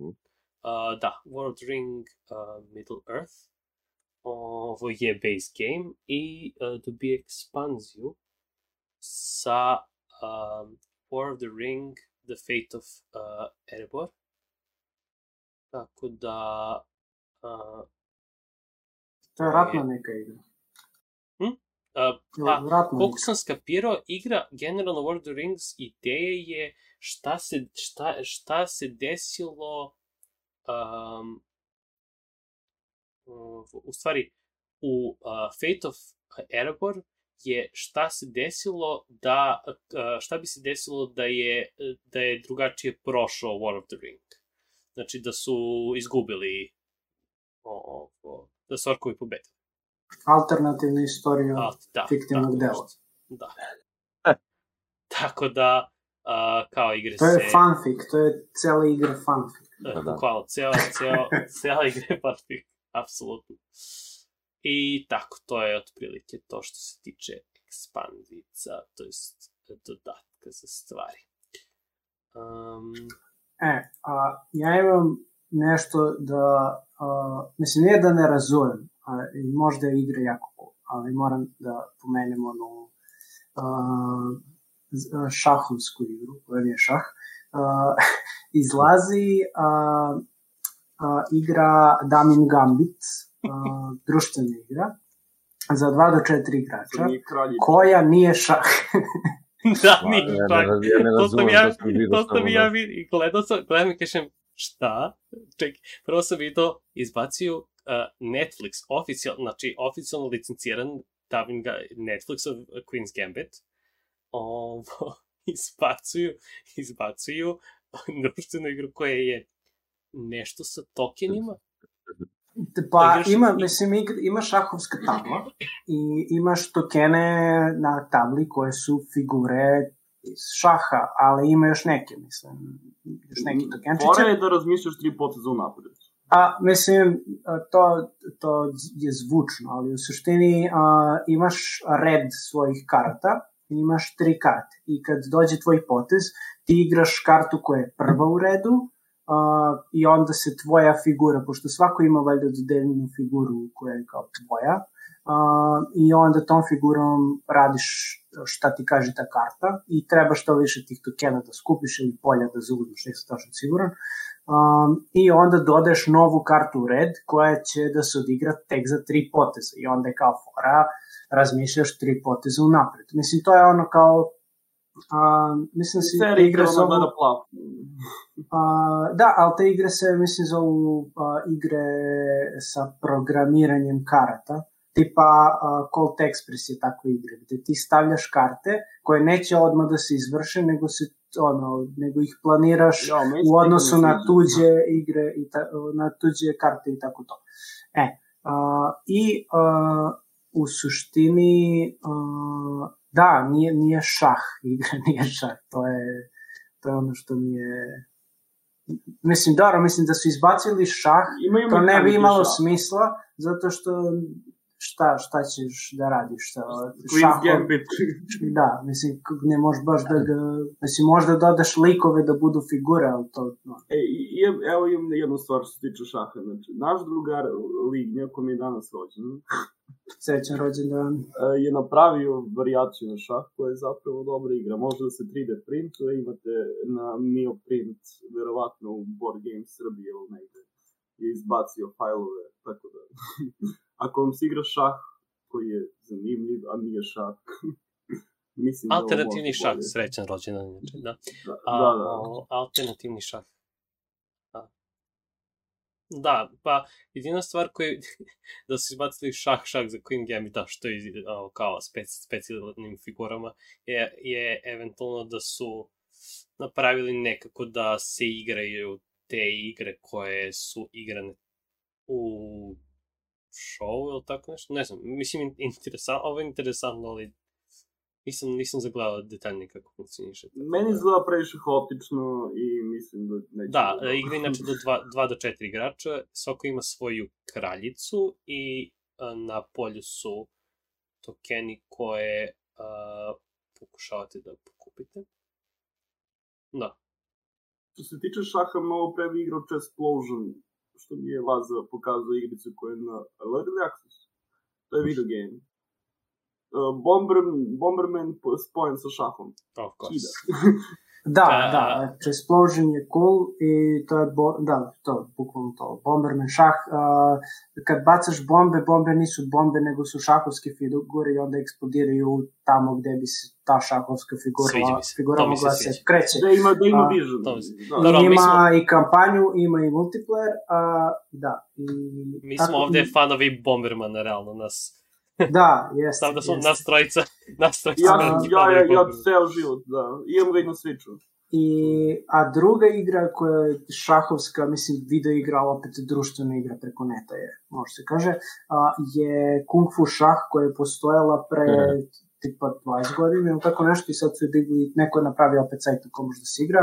Kung Fu šah je igra za, može kao standardan šah, a može za dva igrača ili može i više igrača da igra, a, gde a, a, to jest oni kažu ako vas mrzi da čekate svoj potez u šahu, igrajte Kung Fu šah. A, svaka figura možete pomerati svaku figuru, ne postoji moj potez pa tvoj potez, a, nego svaki put kad pomerite neku figuru, ona se umori, kaže ga, i mora da se čeka određeno vreme pre nego što može opet da je pomerite.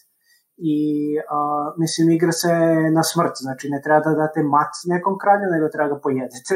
A, I to je to. I nis, mislim, deluje mi mnogo zabavno, nisam probao da igram, ali probat ću. Uh, tako da, eto, ako ste mi strpljivi, ja igram se šah. Ako hoćete da...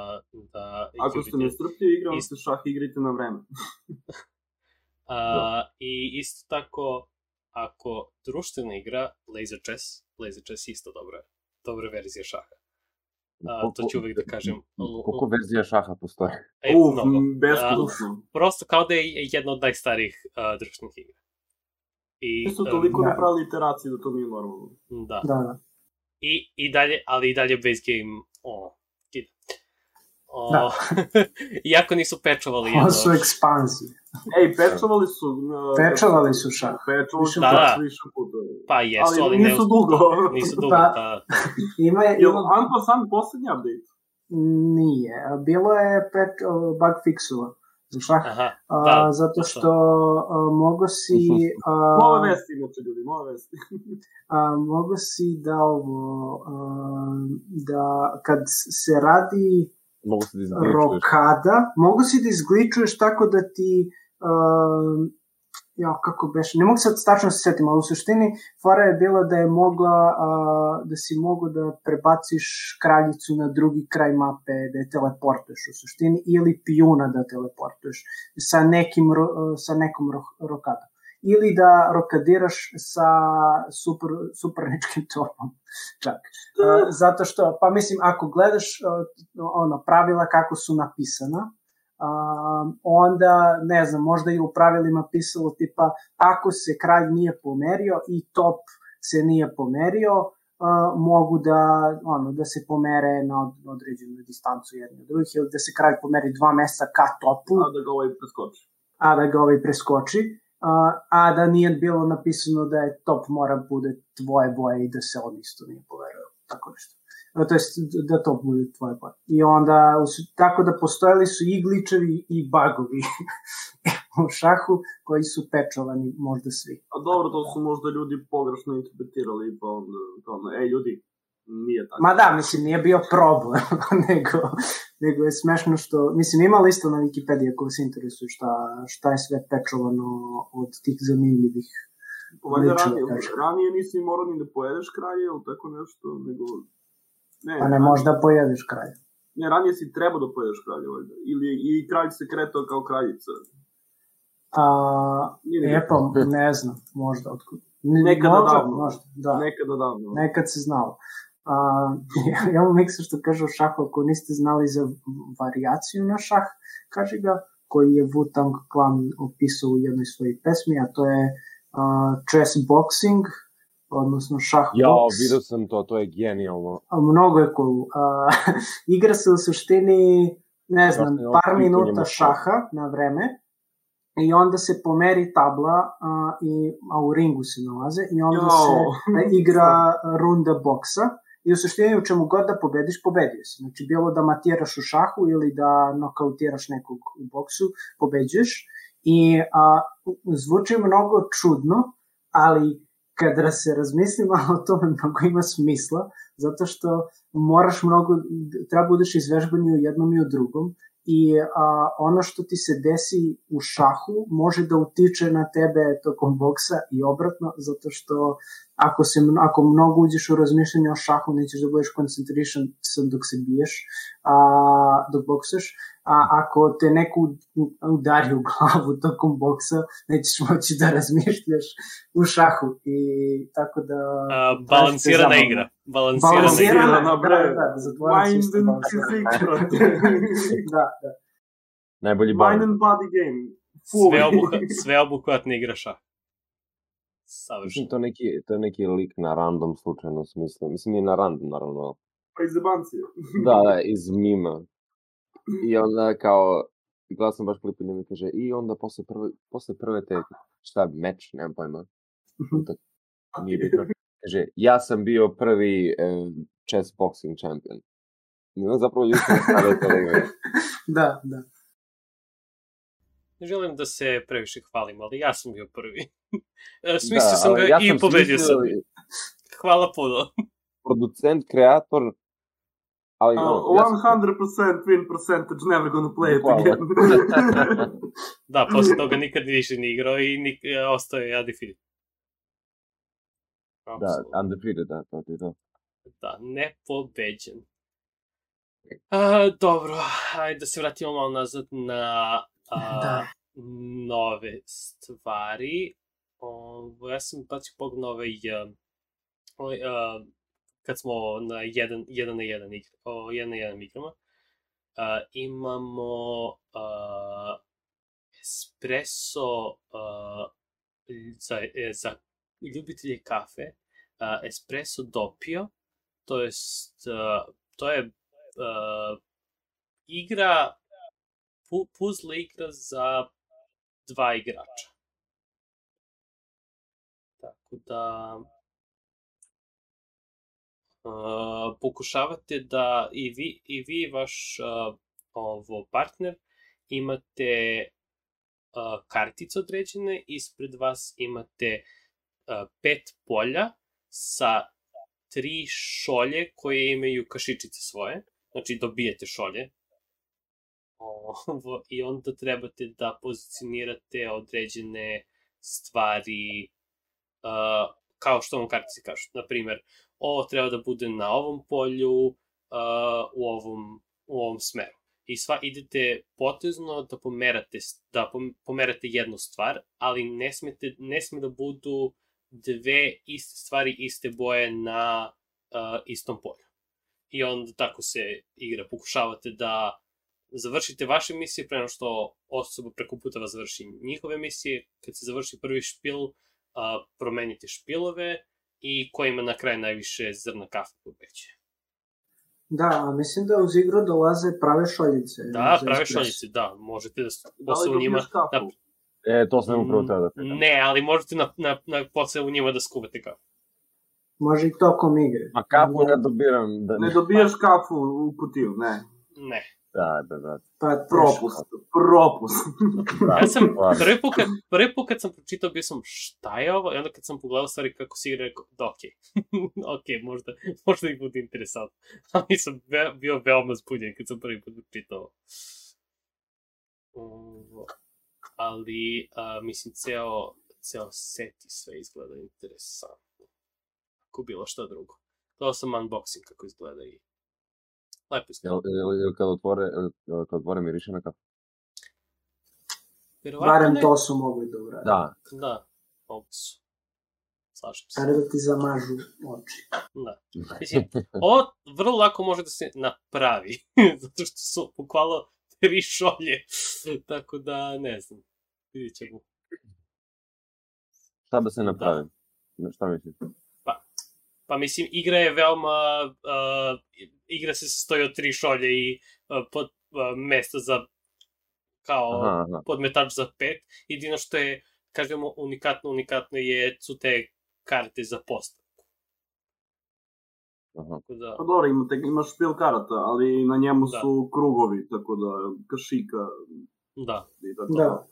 Mislim, Mislim, da ne pričamo koliko se lako prave stvari. a da, da, Jer nije- se, nije- e, a, čisto da znate, prave većina igara se dosta lako pravi. Tako da, Uh, anyways, uh, druga igra je, uh, koja izgleda malo unikatnije, ovo, uh, interesantno izgleda, I- je, zove se Tolos, koja je igra jedan na jedan igra i pokušavate da napravite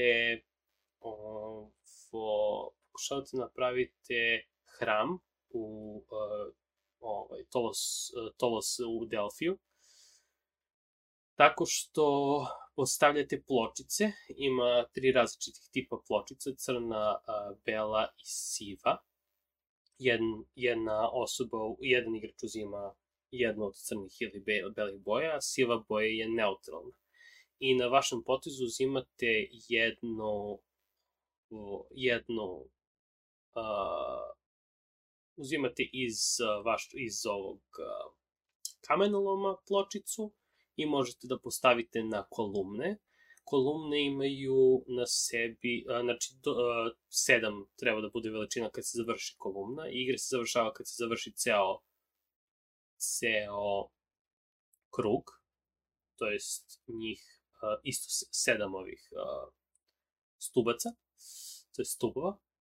Ovo, I poenta je da ko ima više njegovih um, ko ima više njegovih uh, kamena u stubu pobeđuje, ali dobijete više poena za uh, ako imate protivničke uh, kam, uh, ako imate protivnički kamen, što više protivničkih uh, kamena imate na u svom stubu koji vi skorujete, dobijete više poena, a za neutralne gubite poena i onda je tu uh, bukvalno balans uh, koliko hoćete, uh, ko će kome da dozvoli da nešto završi. Znači, tehnički I... balansirate kule. Da, bukvalno uh, mora da se da uh, taktički je kao aha, ako ja sad ostavim ovde, on može da stavi ovako uh, i tako te stvari i pokušavaš da uzmeš stub, ali sa ist, isto tako da ne, da, da dovoljno propustiš zato što dobiješ, jer od tvog kamena dobiješ jedan poen, a od protivničkog kamena dobiješ tri poena. A za uh, neutralni gubiš dva poena. I onda je, uh, uh, znači, jedan tvoj vredi, uh, jedan njegov vredi tri tvoja ako ti završiš taj stubac, a jedan neutralni vredi dva tvoja, to jest oduzimati dva poena. Tako da moram da se balansira kao, aha, da li ću sad, da li hoće ovde da ostavim neutralni, da li ću ja da izgubim ovaj stub ako ostavim ovde neutralni i tako to. Interesantna ideja baš. Veoma mi se sviđala kao Uh, dok nisam, ono, čitao sam rekao kako će ovo da funkcioniš i onda kad sam počitao za, za više poena, to je veoma, veoma cool ideja za, za društvenu igru za jedan šteta što, šteta što su propustili malo u dizajnu što nisu ove stubove dekorisali u nekom stilu. Pa, ti, pa dobro, ali zato što su kao mermerne ploče koje postavljaš. A, dobro, a dobro, da. jesu, jesu, tek sad vidim malo, malo da. zoomirani To nisu, nisu cijeli stubovi, nisu cijeli stubovi, da. nego da, nego uh, ti tehnički vadiš iz kamenoloma i znači uzimaš jedno i ostavljaš. Tako da ti tehnički, ti ne moraš uvek da uzmeš svoju boju, možeš i tuđu boju da ostaviš. Tako da... Znači pravimo stubove, to je to. Da. Znači, da. mislim, I e, svaki, da, a, imaš Dok svako... stubove, rušite stubove vašeg prijateljstva. To je da, to. A, pra, a, a svako od vas ima taj workshop koji su kao tri, a, tri kamena koje možete da ovo zadržite i onda odatle postavljate na, na ploču. Znači ide kamenolom vaša, kao vaš studio, workshop i onda u u uh, glavnu, uh, glavne stupove.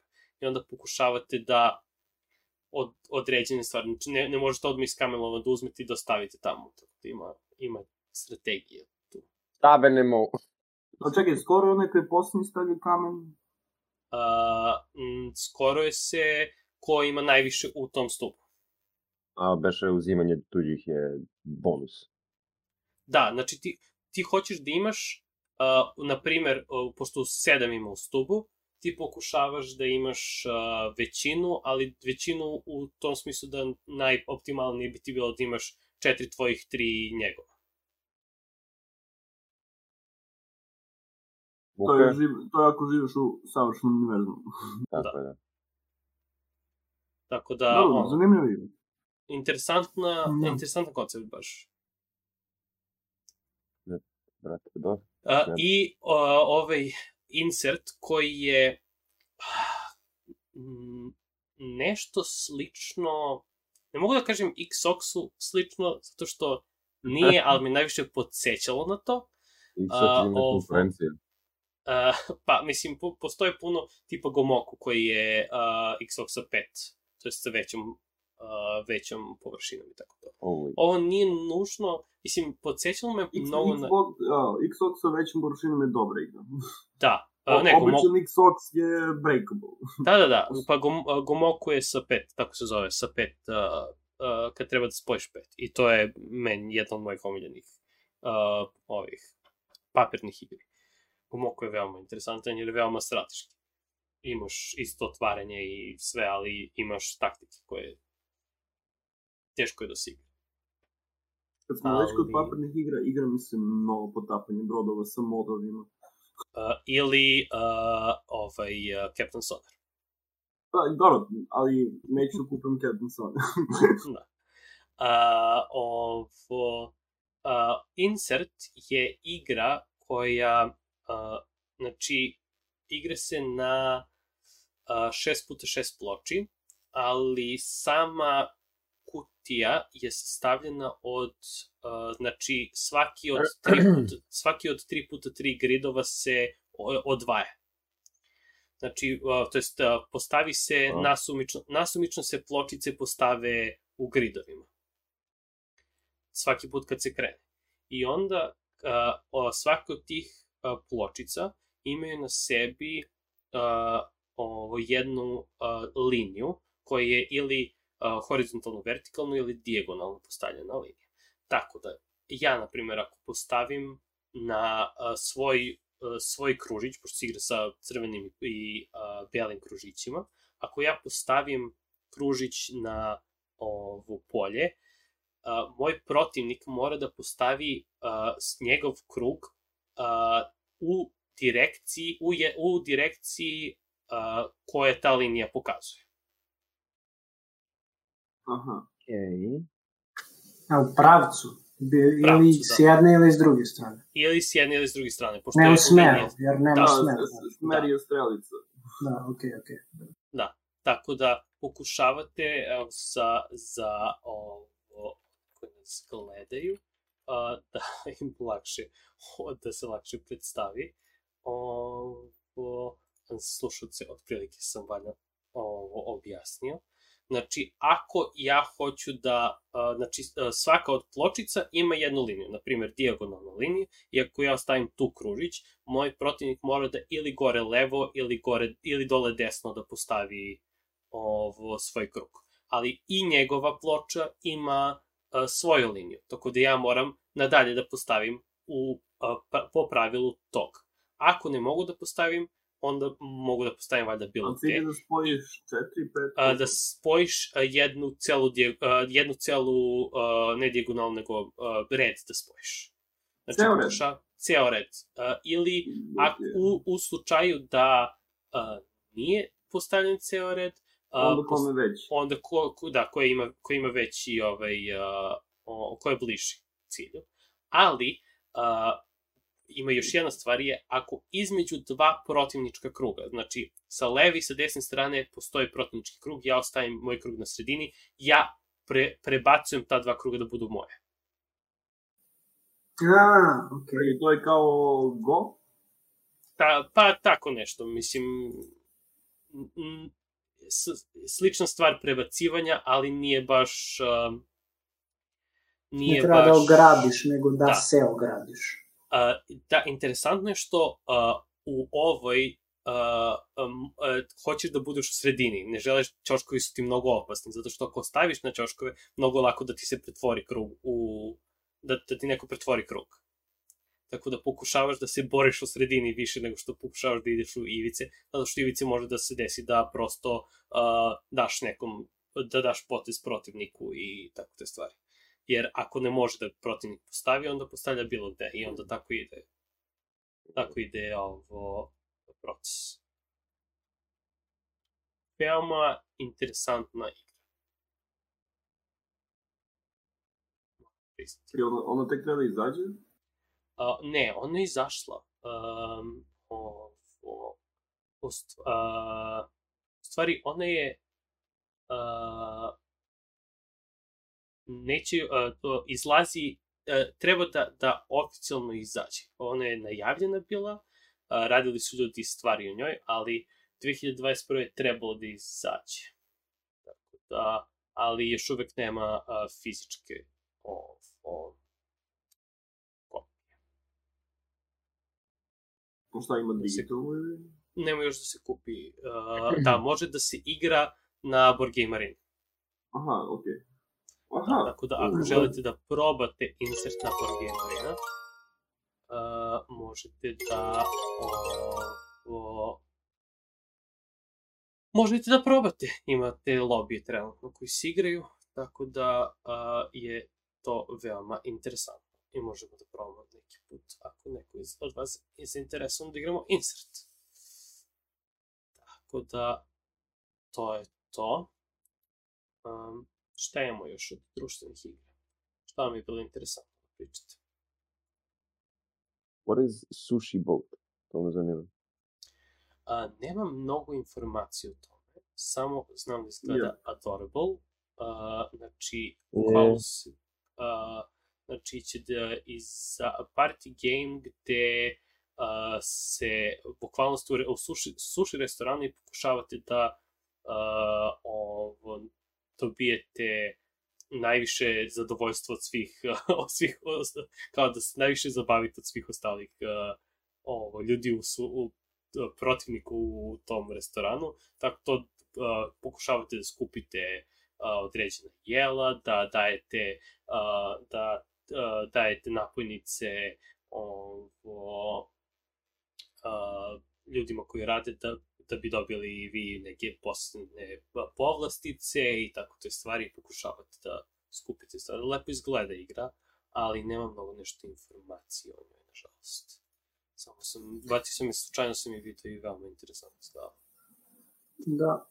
A, Nisam teo da, kad sam p- pročitao šta je igra, rekao daj da ne pomislim odmah da je kao Sushi Go, onda kad sam pročitao o čemu se radi mehaničke igre, on dosta podsjeća na Sushi Da, Go. to sam, da, to sam, sad, to to, je- sam hteo da, spom, da spomenem Sushi Go i kad sam, kad sam pročitao, ali uh, delom da, ali mislim da ima neke stvari koje su kao dodatak. A, pa, mislim, moguće. A, ovde i, imam, ovo je drvena tabla, ja mislim, na kojoj se nalaze ovi tanjirići i onda ona klizi, ona ide kroz to plovi, a, kao brod, i onda ti skupljaš te tanjiriće koji su zapravo izdubljeni sa sličicama unutra, što je cool. A, I ređeš ih kod sebe i da, to je, to kao u Sushi Go u suštini, mislim, nemaš brodiće, nemaš tanjiriće, ali imaš karte na kojima su ta suši jela i kao u onim suši restoranima gde imaš onu pokretnu traku, do, dodajete jedni drugima cele ruke karata i onda uzmete jedno jelo iz te ruke, onda da, da, dajete dalje, a vama stigne sa druge strane, vam stiže nova ruka, odakle će ti se uzmeti. Tako da, mislim, kapiram da taj koncept da ka- sve stvari, tokeni ili karte kruže i onda vi birate šta je za vas najbolje, dakle, Ja mislim da bukvalno, da, da bukvalno dodaješ pločicu, jer kako izgleda, ovde izgleda kao da je udubljeno unutra skroz i i ova a, kao traka je udubljena i onda da pomeraš traku i kad pomeraš, pomere se sve, sve se pomeraju. Pa, ali ih baš guraš Ron prstom. Ja, ja mislim da ih baš guraš prstom. Mislim da je to cela Da. poenta, da, da ih da bukvalno u, ulaze u, u koštac. Da, kapiram, pošto vidim da jedna, jedan deo se ne vidi, tog dela broda, i A onda... mislim da ovo može da se podigne. Sigurno A. može da se podigne. Ok, Ovaj, a, gore, za, za one koji ne bi pojma o čemu pričam, ovo, sad ću vam pokažem sliku. A, to Ali jest, ne znam, malo mi nepraktično li, okej. pokazat ću... Bolje, bolje da su napravili neki krug koji se rotira, ne znam.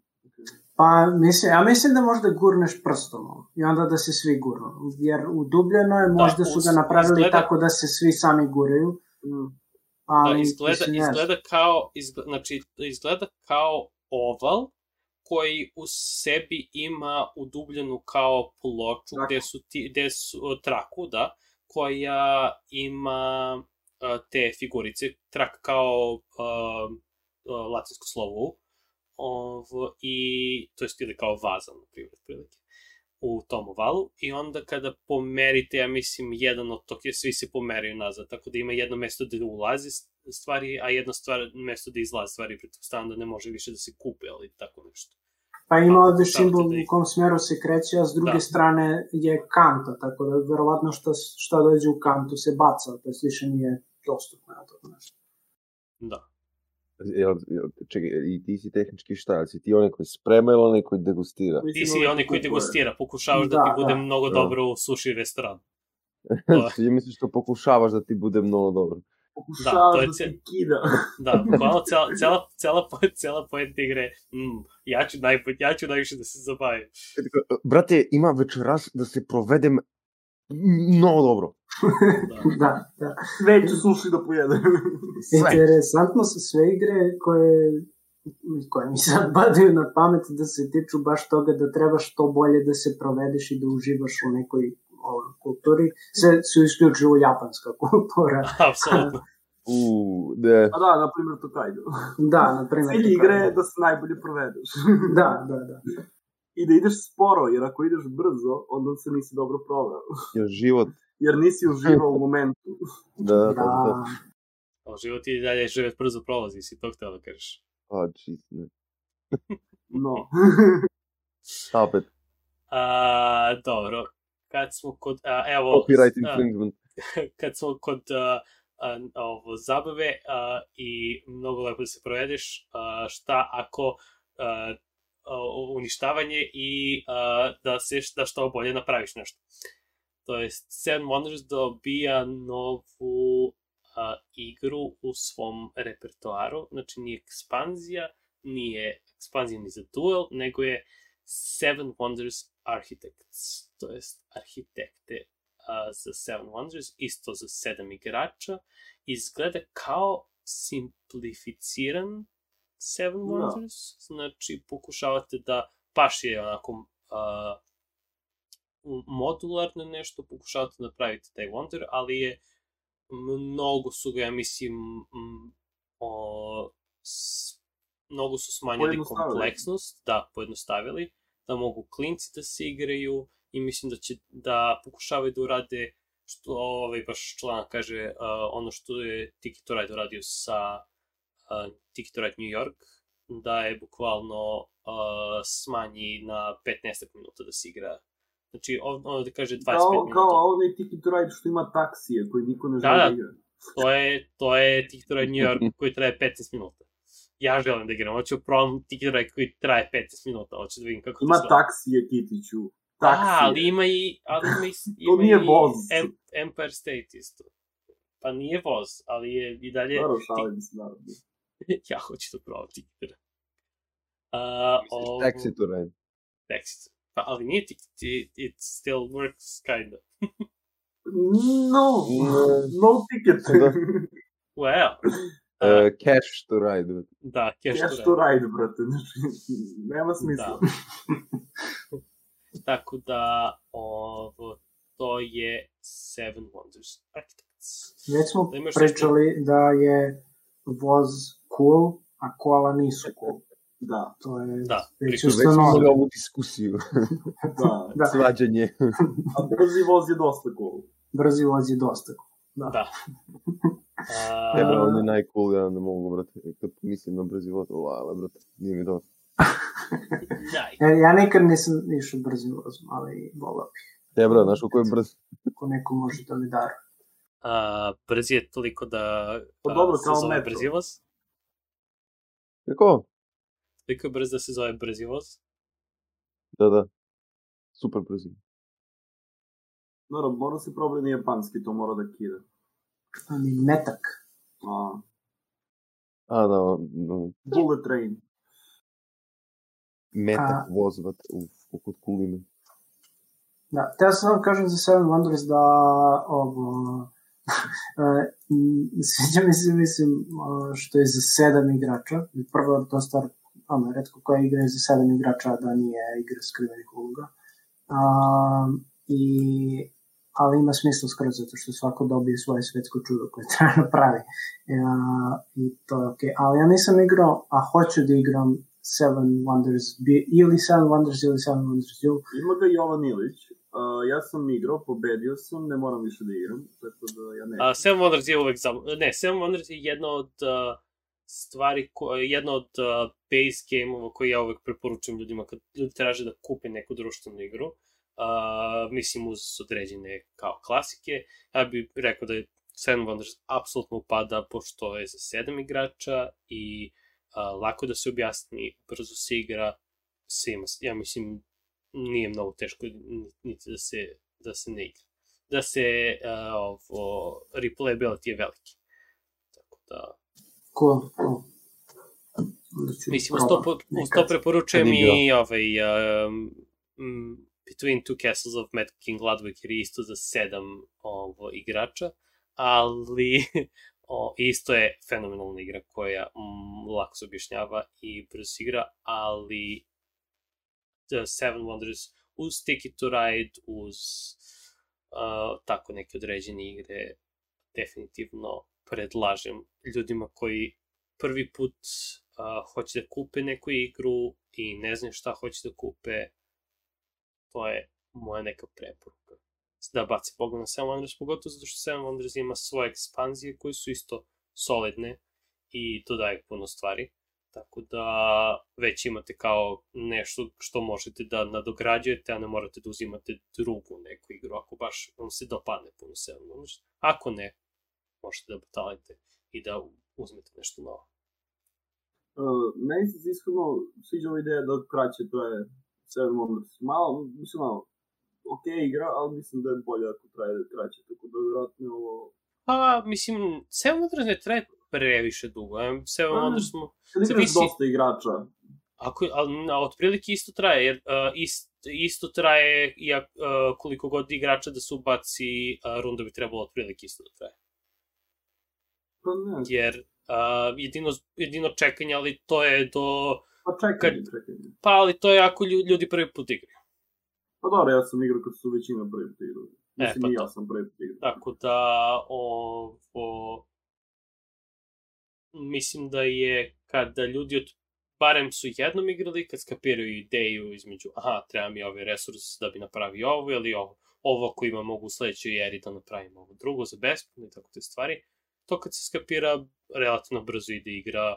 Mi smo 7 van završavali do sat vremena maksimum, možda čak i manje. Uh, scoring jedino na kraju zna da malo potraje, ali ništa nešto preterano mnogo, koliko, kao i druge scoring igre.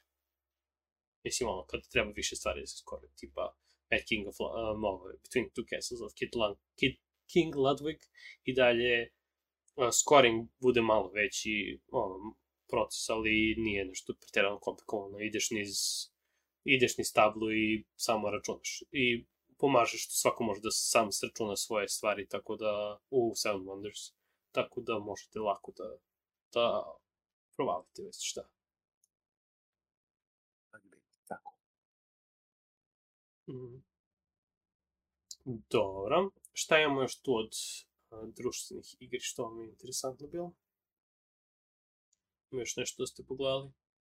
Da vam je bilo zabavno? Mm, pa, nisam siguran. Mislim, može da pređemo na RPG, što se ne tiče. Pa, mm. uh, možda da spomenemo ovaj, uh, Dungeons and Dragons uh, Dungeon Scrollers, to je... E da, za, to sam vidio, to je okidano.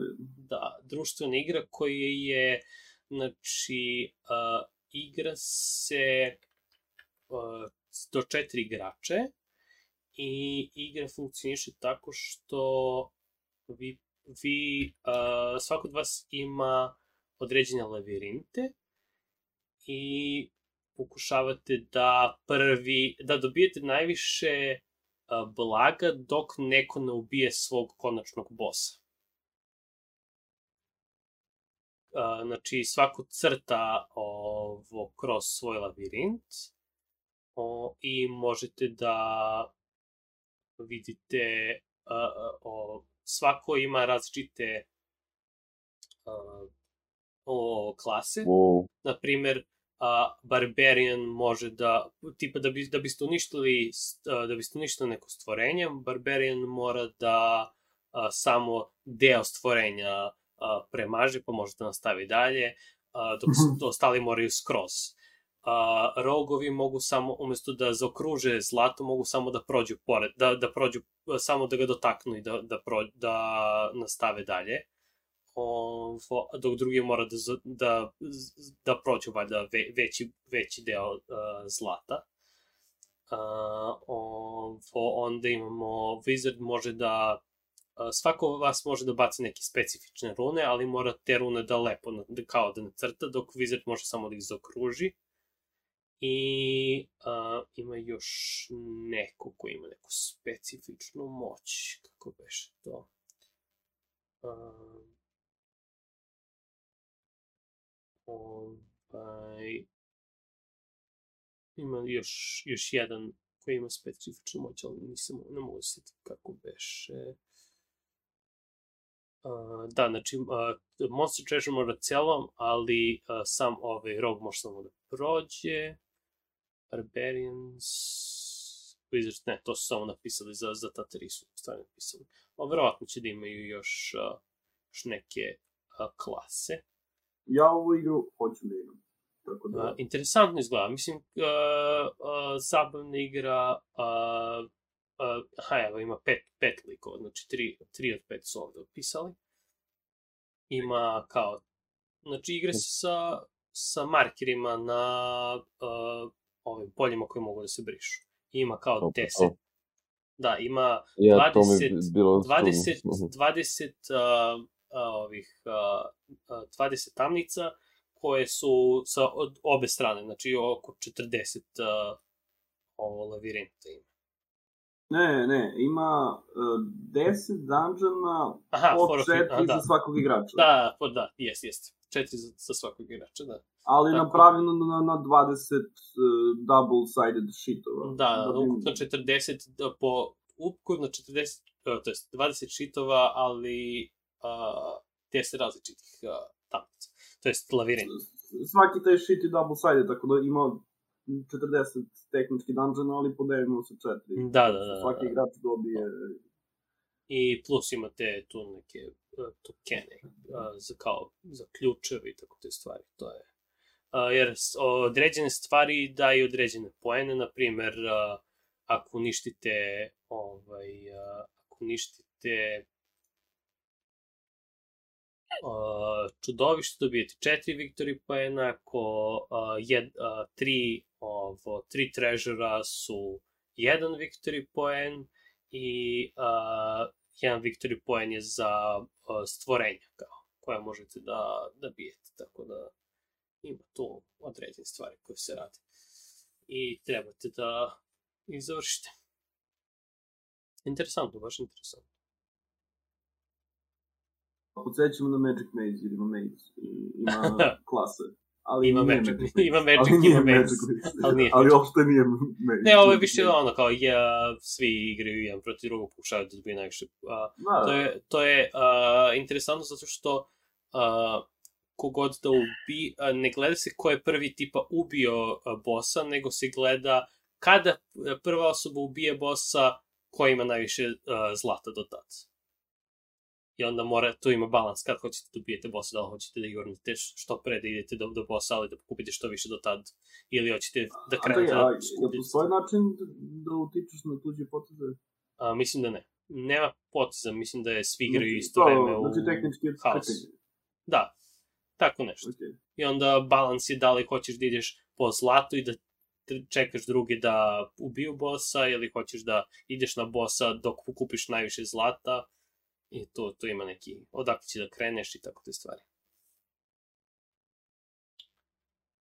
E, i onda sam mislio da zbog toga, pošto smo tu već, da se prebacimo na D&D uh, vesti. Što e, od...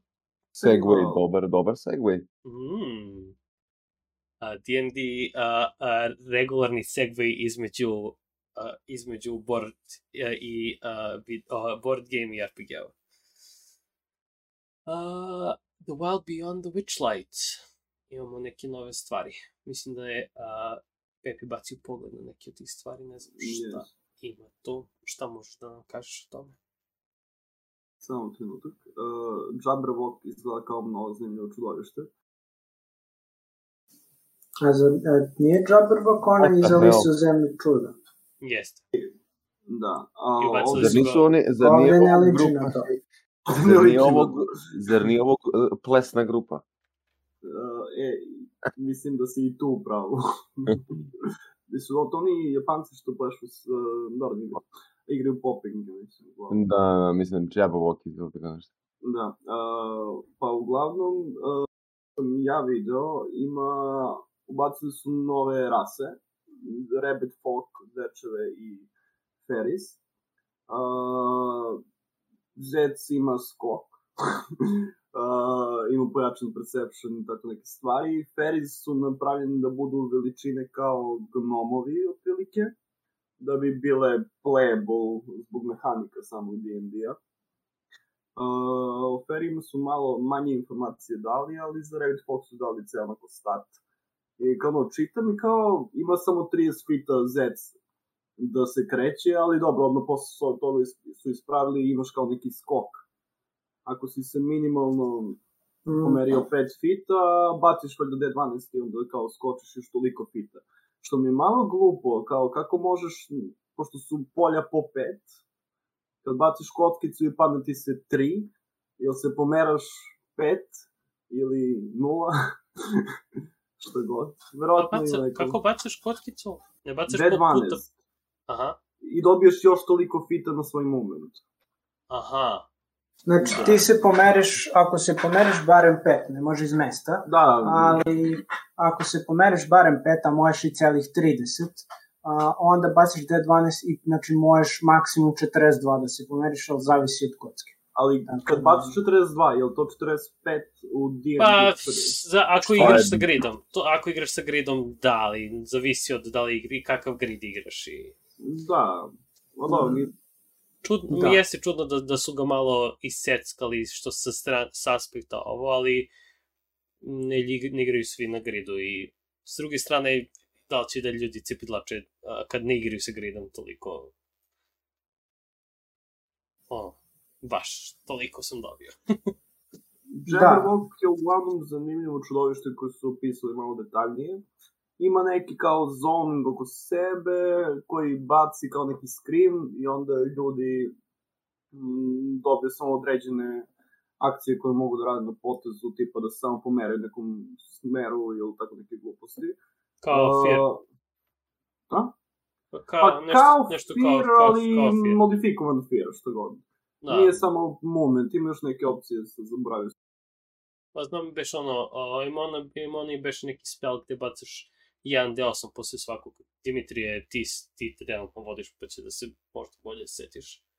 Te bacaš O. jedan D8 da vidiš u kom smeru će se kreći, šta ne razum. Ne u kom smeru će se krećeš, nego tipa, uh, da li je paralyze ili tako nešto je ne, neki spell gde svaki put na početku tog poteza bacaš 1d8 da vidiš da na 8 sklanjaš efekt, na 1 ništa ne radiš, na ne znam, 3, 2 i 3 mora, mora da se pomeriš od osobe, na 4 do 6, mo- ima, ima neki spell koji je, Ima, mislim, ne, ne, ne bih znao sve, iskreno.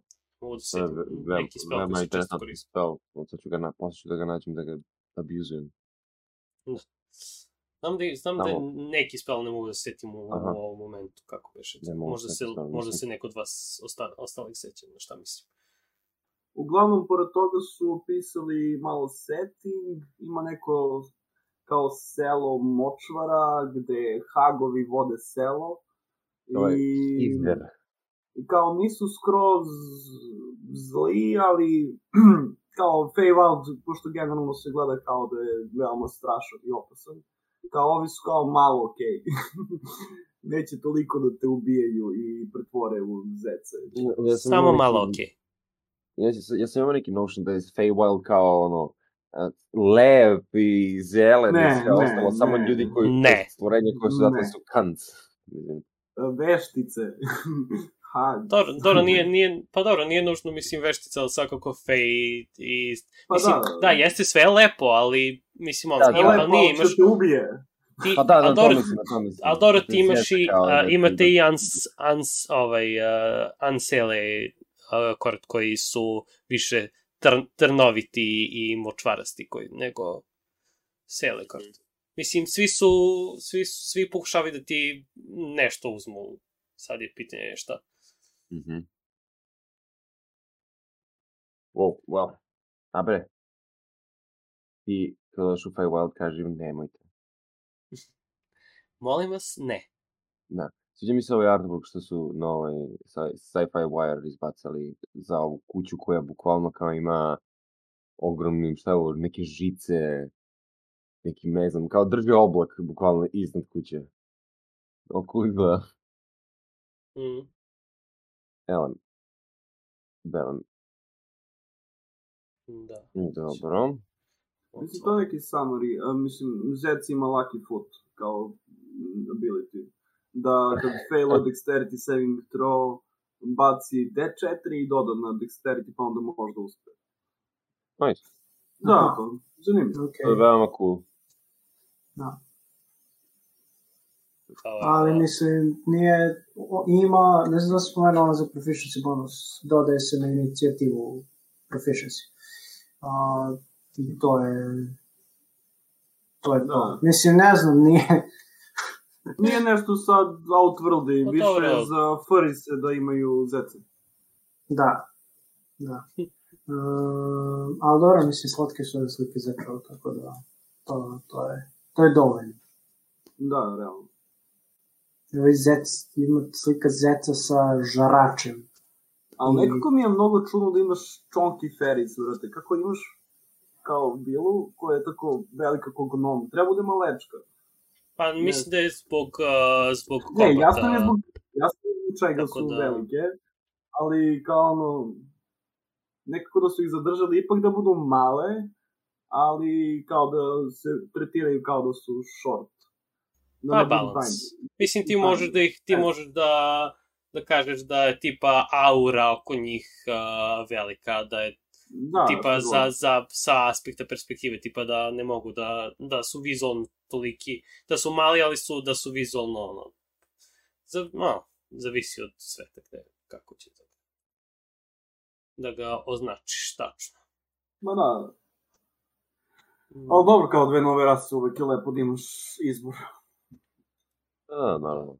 Ima, ima isto za D&D, uh, D&D Beyond su izbacili kao koje se najviše oružje koristi u D&D-u i si- 20% uh, sa najveće, na, najveće prvo mesto sa 20% zauzima uh, bodež, to je Simple Dagger. Uh, posle toga Short Sword, Hand Axe, Crossbow, uh, Short Sword je 9%, uh, Hand Axe i Crossbow su 7%, i posle ide Rapier, Longsword, Quarterstaff i svi na dole.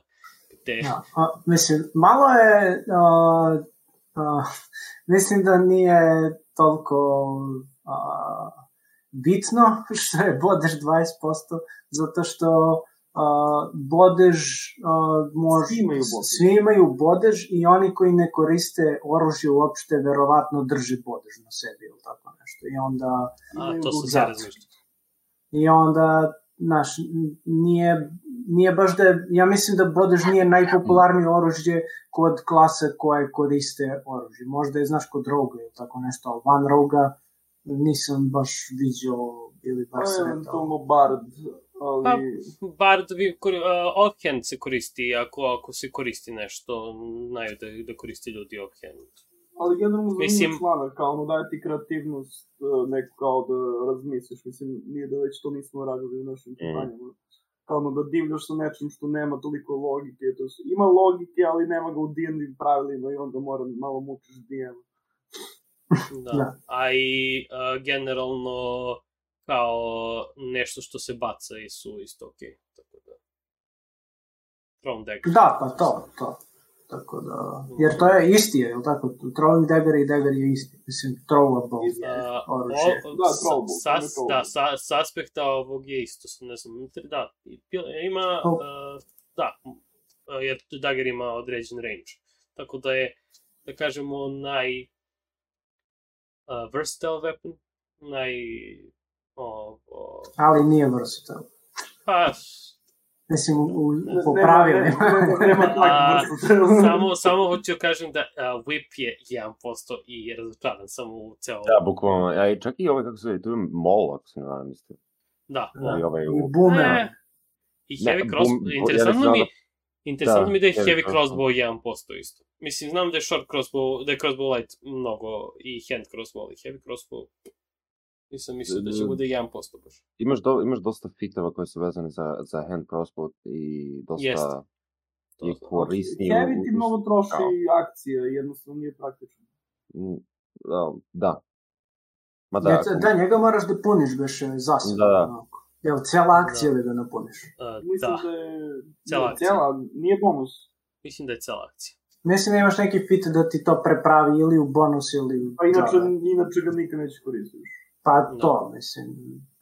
Inače, Mislim što je greota, za- jer... Ina, inače, inače uzmeš, uh, dipuješ u Wizard ili Warlock i uzmeš spell koji isto toliko radi damage sa, za akciju. I ne, ne treba ti nikad više. Ne, napraviš custom made reload uh, mekanizam i to je to. Da. Samo toliko. Pa čisto da bude usable i ovako je ono, samo postoji tu i 1%, je razumiješ. Da. Ne znam, ovi moji niko ne koristi tako neki ultra rare weapon, mislim, Egzotične... da. Mislim, ne, ne zapravo, ne, ne. Ne koristi niko, ne. ne. Ja, A, moj- ja tretiram koplje u D&D-u kao egzotično, kao niko ne, niko Da. ne da, sam da, sretao zapravo. da, Pa da, sretneš ga, ali ga naš niko ne uzme na početku ili tako nešto, veoma redko. zato što Pa- je koplje imalo, i koplje ima onaj problem da je u melee range-u loš, ali dobar u 5 do 15 fita. Ili koliko već beš, 10 do 5 fita. Da, ima Rich, i, uh, ali beše koplja možda bacaš, jel tako? Da, Da. možeš, možda baciš, ali imaš uh, kao, ja mislim da koplje funkcioniše beše kao, re, možda sam pogrešio, ne sjećam, odavno sam. Baca se na strength, ako se ne varam. Da, da, da, ali mislim da, a, tipa, ako, ga, ako se biješ s kopljem u melee, to jest u pet, pet, pet na, a, a, odmah pored, tu imaš disadvantage. A, Aha, okej, okej. a, ali, kad, ali, ali imaš reach, zato i hoćeš kopljem da budeš 5 ili 10, o, do 10 ili 15 odvojeno. od nekog. A kad je direktno, pro, direktno pored tebe, onda je sa kopljem nezgodnije da se biješ. Pa ne Ja. znam, jer onda kad treba da se pomeriš tako ti, mislim, ne. Da. Previše komplikacije za, za weapon. Da, Ja, znam, on- ja, Kaži, kaži. ništa, e, jednom imao sam priliku da igram, je, sveće, srećan. I uh, namerno sam, tipa, mislim, uzeo sam da, i- uzeo sam uh, Glaive. Glaive mi je, na primjer, i, mislim, isti džavo, malte ne, samo je riskinovan taj spear ili kako već. Klev je. Klev je Da. A čekaj, Glaive je kao, je li to ono sa tri strane kao fidget spinner, samo... Ne, ne, ne, ne, Glaive ti je isto kao spear, samo ja mislim da mu se, uh, blade mu se savije na gore. I da kao, kao da imaš oštricu kraj uh, ovog, uh, Mali srpić. da, A, okej, Da. okej. A čekaj, Da, a- da, da, da. dobro, dobro, dobro. Zato što ga uh, Glaive, na to na što ti misliš je ovo iz Warcrafta. I to jest, Da, da, da, koristili to su ga u. Warcraftu i onda i to može da se nazove Glaive, ali to valjda ima u D&D ima poseban uh, naziv. Um, ima, ima neki baš konkretan naziv za taj, da- za to, za to uh, kao za od Night Elf oružja, ono. Uh, Da, a to mi deluje užasno nepraktično i da ne da, postoji ne, u stvarnom svetu. Da, brate, postoji- to je- to je valjda-. To je valjda double-sided glaive ili tako nešto se zove. Um, ima baš, znam da sam ga traži, da sam našao bio tačno. Prosto- Da. Kaže prosto, Laza, brate, ko će da koristi ono, IRL. Da, A, ovde, na primjer, mislim, pošto pričamo o kopljima, a, i Glaive i a, Spear su na 1%, a, to jest Glaive izgleda manje, jer manje su ga nacrtali ovde, ali oko 1%, kaže ga, a, a Javelin je 4%, a Javelin mislim da je samo bacanje, jer Javelin je ono, postoji atletski sport, Da, da, je, da. to je to koplje. valjda. Da, to je samo za bacanje, to ja mislim da barberijani koriste za, Da, da, je za ranged. To je, ja Aha, mislim da je isključivo okej. zbog Mislim- barberijana koji koriste ranged. I ako mu ne stane da je- to, mislim da je onda baci sekiru. Ma da, ali bukvalno to, to, to je tipa Toma je bacao to, ja mislim. Jest, jest. A, Kao, kao, čekaj, Tom je tad igrao... Javelin bre beše bije, bre. Javelin 1D8. Uh, ja, da, nešto je, Javelin jeste jači beše, ali uh, imaš i onaj uh, Lightning Javelin koji je čest uh, magic item koji dobiju ljudi, tako da da može se vrati nazad tebi. Tako da, I, pred- I prvo se pretvori Mm. u munju. da. Cool. To je, to je veoma Zeus-like. Da, da. Lijepo. Uh, Zeus može da ih tuži za copyright infringement. Ovo... Da, da. A šta imamo još? Like me Zeus, od- You da. don't have that. a, ovaj, a, za, za ljubitelje PT imate a, Gambler's Toolkit koji je izašao od um, od strane, ne znam gde je izašao, zove se Gambler's Toolkit. Ovo, to su um, o, skupina različitih um, magičnih itema za ljude koji mogu da koriste, koji su vezani za a, kockarenje, to jest za kockanje u magičnim svetovima. Više proširenje za, ono, ej, ne kockaju se samo rogovi i... Što, Da. Što god, to mi je i opis. Kao ono, ako hoćeš da se kockaš, a nisi jedna od tih rasa, čisto da imaš više opcije. Da. A, to je na a, EN Finder.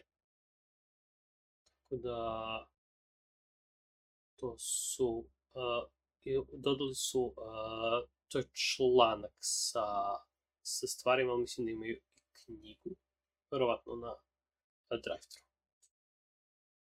Dobro. A, sem toga, šta još imamo od stvari? Mislim da za PT to je to, sem a, što se, sem a, ako nema nešto u Kickstarterima, Mm, ali Nego, mislim... Lazo, reci ti nema nešto o Numineri. U Numineri.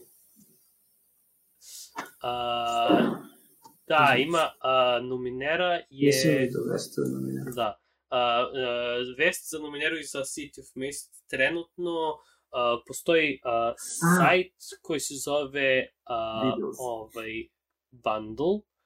A, samo da vidim kako se te tač, tačno zove. A, zove se a, Bundle of Holding. A, tako da ako odete na Bundle of Holding, trenutno imate Numineru a, za a, 7, to jest 18 dolara i dobijete tono stvari, znači dobijete bazičnu, nomine, bazičnu mineru, dobijete neke kompendijume, dobijete mape, dobijete za stvorenje i tako te stvari, tako da sve što vam treba da vodite na mineru, ako ste hteli da ikad vodite na mineru, može Laza da malo uh, Malo hajkuje. šta je. Mislim da smo pričali već bili o nomineri u nekoj od prošlih, ali Jesmo, za... kad sam ja bio tu. Ej, Lazo, ja ne znam šta je Numenera. Da li ti A- možda možeš da mi objasniš? A, Hvala. Dimitre, na pravom si mestu. A, Numinera je RPG a, o jednom svetu, o devetom svetu, odatle ime, Od devet, A, aha. Da, gde uh, u suštini postoji fantastika, postoji magija, s tim što magija su uglavnom predmeti koji su ostali tu od ranih svetova. Desila se neka apokalipsa koja je zbrisala prethodnu civilizaciju, i, ali od te civilizacije su ostali neki predmeti koje uh, sadašnja civilizacija u kojoj vi igrate ono, vaši likovi, a, pošto ne može da razume tu nauku, uglavnom interpretira kao magiju i to mogu da budu neke obične stvari koje, na primjer, mi... Da, da, to je glavni primjer, ali a, a, neke stvari koje postoje ovde možeš da preseliš tamo, ali likovi će to da doživljavaju kao magiju i u suštini RPG se vodi istraživački, dosta se fokusira na istraživanje i, tre, i što predela, što raznih magijskih odnosno tehnoloških stvari koje se nalaze po svetu. I mislim, knjiga je dosta lepo, lepo ilustrovana i sam sistem je, mislim, ranije kad smo ga igrali rekao bih da je prilično jednostavan, ali od tad sam igrao neke moderne RPG-eve koji su onako baš jednostavniji. Uh, tako da i dalje ima nekih malo ono, ne, mislim nije komplikovan, daleko od toga, ali im, imaš svašta na svom papiru od, od brojki, tako da šta ga znam. Smišljanje lika je jednostavno zato što u suštini biraš pridev, glagol i imenicu i to ti definiše lika, daje ti sposobnosti i nadalje i tako. Uh, mislim, Cool RPG, uh, nismo ga igrali nešto mnogo do duše, ako se dobro sećam. Može? Nisam, ja sam zadnji put završio sa, sak, ne saksijom, sa onom fish tankom na glavi, jer nisam mogao da dišem. Posle Da. sam god. A, Dobio je škrge. Da, Dobio sam Da. je nisam pluć. mogao više da dišem. igrali Da. smo, igrali smo otprilike pa nekih osam sesija, Tako nešto, mislim. tako nešto. Da, da. Tako da, ovo, igrali smo ok. Ok, uh, ovo, o, ok da osetimo, da osetimo kako se igra. Ali moment kad treba da iskoristimo žičaru, a nemamo pojma šta je žičara. Da, Da, dosta je...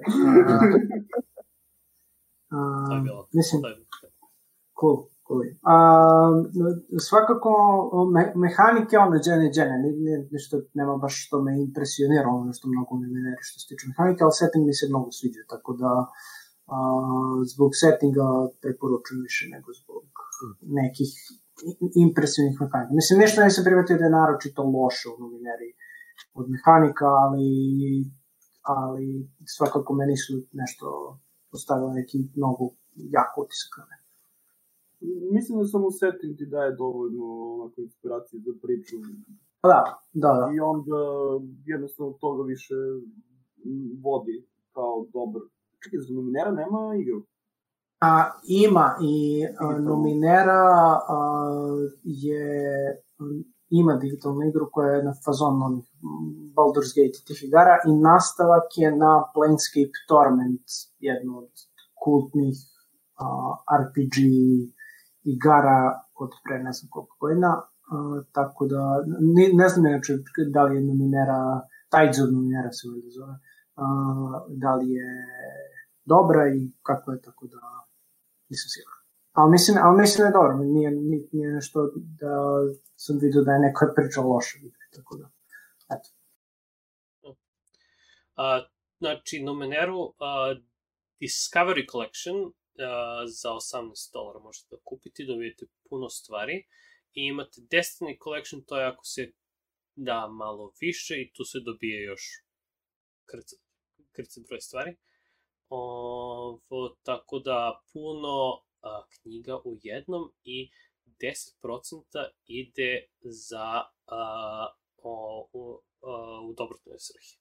Tako da M su sve a, na popustu, M ide na u dobrotvorne svrhe za protiv a, ovo pandemije, to jest a, za a, za ovo prve, a, za, za sve medicinare ide o, ovo koji su na borbenom polju.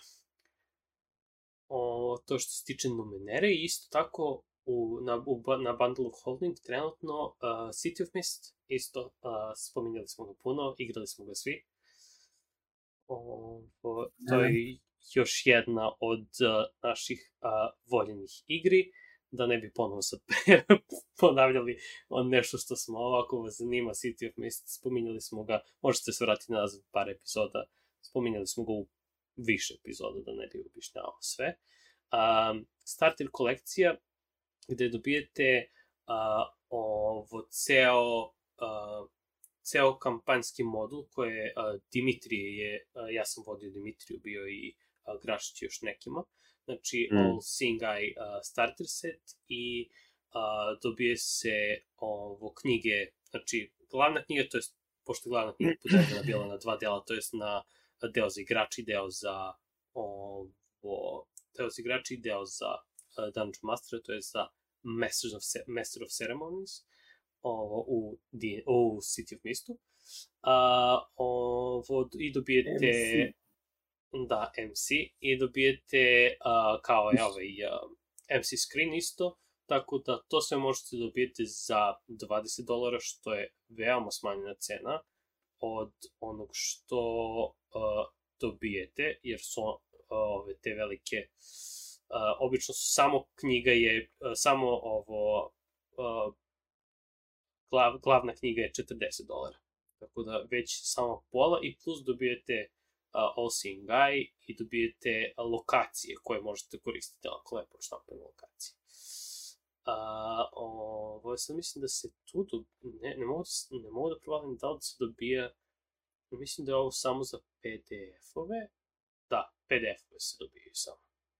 Svakako su uh, vredni za ovo pare, isto 10% ide, a ako platite više, bonus kolekcija ima dodatke na City of Mist koji su ima distrikte, ima ceo case jedan koji je produžen nastavak te sveobuhvatne priče koju oni pričaju u svojim modulima.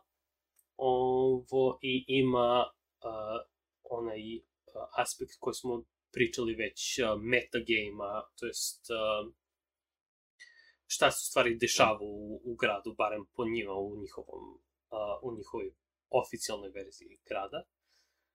Uh, tako da to je Don't Believe the Truth, uh, If Dreams Can Kill je dodatak za, nov, za uh, igrače uh, sa novim temama, sa opcijama novim, i soundtrack dobijete isto, tako da... Čekaj, a u kojima dobijaš nove karaktere? A, ne dobiješ a, nove karaktere, dobiješ opciju za nove karaktere. U If Dreams Could Kill i, ako se ne varam, i uh, Don't Believe the Truth isto dobiješ nešto malo o novim karakterima. A, to više dobiješ, pošto a, kako se pravi, ne znam da smo pričali o pravljenju City of Mist, pravljenju lika City of Mist, ali svaka kartica pošto City of Mist ima uh, kartice koje pokazuju, objašnjavaju um, ili uh, magičnu stranu vašeg lika ili uh, mundane, to jest uh, običnu uh, ljudsku stranu vašeg lika. I svaki tih kartica imaju svoju uh, kao malo knjižicu koja kako se gradi u stvari kartica. Naprimer, uh, ta team books iz ovu uh, su više uh, smernice kako treba ta karta da vam izgleda. Naprimer, ako imate moć, uh, uh, ako imate Teambook Adaptation, Adaptation vam kaže uh, vi imate moć adaptacije, to jest uh, uh, ovako bi otprilike trebalo da vam uh, izgleda uh, ta kartica na ova pitanja da odgovorite. Svaka, svaka taj, ta mala knjižica ima uh, pitanja, na primer, šta je, šta je glavno vaše, šta je glavno vaše moći, ne znam, za adaptaciju, kako se najbolje adaptirati i tako te stvari. Ima stvari koje vam podstiču da ostavite tagove koje kasnije koristite u igri. Da ne bi sad objašnjavao ceo sistem. Ali ovo vam, uh, If Dreams Kill vam dodaje dodatne ovo, te teambooks koje su, ako se ne varam, familiar i turf i tako te stvari, bukvalno uh, interesantne uh, dodatke za City of Mist. Tako da, ako vas zanima Numenera ili City of Mist, Bundle of Holding, uh, Num City of Mist ima još od datuma snimanja, to je 12. Znači još 8 dana, znači uh, negde 20. se završava. a, a za Numeneru se završava 24. ako nisam, ako sam lepo vidio. Ugasio sam ga sad. Tako da možete da pogledate to. Šta? To bi bilo to. Ali imate još nešto kažete za, za, za Mm. ovu? Za, za City of Mist ili za Numeneru? Cox and Crocs. A, da, Cocaine and Alligators. E si pročitao, Da. A ovo je iz... iz, Pročitao sam malo. Generalno ovaj lik u ovom intervju ne, ne opisuje mnogo igru. Igra Pa, na ig, i, zato što je igra, ovo sam te, uh, ostav, uh, highlightao sam bio, uh, znači igra je uh, od uh, ovo, uh, jedan dizajner je napravio igru Cocaine and Alligators, to jest uh, hak na uh, trojku. Trojka je, društ, Da. uh, je uh, ovo RPG koji je Laza čito najviše, tako da ja mislim da Laza može najviše da nam objasni šta je trojka. A, pa čitao sam davno, ali u suštini u trojci, uh, barem što se pravilne likove tiče, postoji dosta, uh, evo kako ih zovu, uh, mislim kao profila, ono, to od čega počinješ, klasa, kaži ga, postoji mnogo Uh, back, uh, ba- backgrounds. Be, da, da, e. Uh, I postoji mnogo i onda to ti u suštini definiše lika, daje ti neke smernice za to u čemu je tvoj lik dobar, u čemu je loš i tako dalje. I uh, postoji, no, mislim, u osnovnoj knjizi postoji mnogo, mislim da postoji nisam siguran, mislim da se baci u, ako hoćeš nasumično da igraš trojku, da možda baciš valjda 3D šestice i onda da, mislim, nema ih, nema ih toliko, nema ih uh, šesto, ali ima ih dosta. Ima ih A, puno, da. Da, a ovo je uh, ovaj čovek, dizajner, je napravio, kaže ga, ekspanziju za trojku gde dodaje pozadin, te dodatne pozadine koje su uh, u temi uh, Floride. Florida Man! u temi Floridomena i uh, neki koje sam video je, od tih pozdina je uh, aligator sa uh, naočarima, naočarima za sunce, onda uh, imitator policajaca i samo da vidim Svakako, o, na ovaj način da ako hoćete, da- mislim, interesantno mi je bilo dve, dva, dva razloga, interesantno mi je da trojka dobije svoju kao, um, da neko pravi modul za trojku i to mi, drago mi je da, da ovo dobijaju da dobijaju svoje module, a s druge strane mi je interesantno bilo što je Florida Man tematika. E, ima, A, jedna, da. ima jedna igra, ukucaš svoj uh, rođendan i ukucaš datu svog rođendana i ukucaš Florida Man i onda pritaš prvi člana i onda to si ti u Floridi. otprilike. uh, Znači da. da vidimo odmah.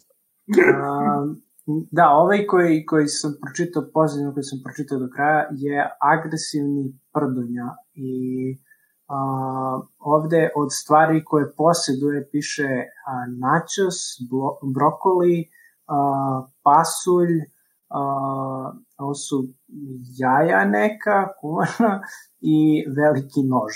Tako da a, Da, a svakako je, mislim, kao je satirično zajeb... mislim, nije satirično, zajebancija je i... Namenjeno za ljude koji imaju 18+. A, pa, mislim, ali i duhom nemaju više od 12 godina. da, da, se. Možda. Tako da, uh, da, uh, ne znam, mislim, ja, ja bih svakako volao da probam, da probam trojku nekad da igram, jer mi deluje cool. Uh, a ovo bi možda To ćemo, nekad da. tamo i ubacio. Troj, to, da, trojku bih hteo isto da prodam. Znam da si ti hteo da vodiš i to je nešto što bi možda u Riznici, e, Riznici igrao da igrali verovatno. Tako da, jer od, o, igrali smo Da, da, igramo da. sve neke sitne stvari, nikako da sednemo i da odigramo nešto na Riznici igre a, veće. Tako da... E, Pa, mogli bismo stvarno. Mogli Da, zato što to je eto još jedna igra a, koju imam legalno. A, nemam pojma o čemu pričaš. Ostale, Da. ali A- i ovo imam legalno. Ovo, a, tako da, trebalo bi, da, ja, ja se slažem da, da možemo da igramo trojku i veoma će to bude interesantno. A, dobro, ja, znači nisam ne vidio koliko je ovo, imali smo toliko poteškoće, a, nadam se da je ovaj vod, da je vod čitav, ne znam kako funkcioniš ovo, pošto mi piše da je, da smo dva sata uh, live.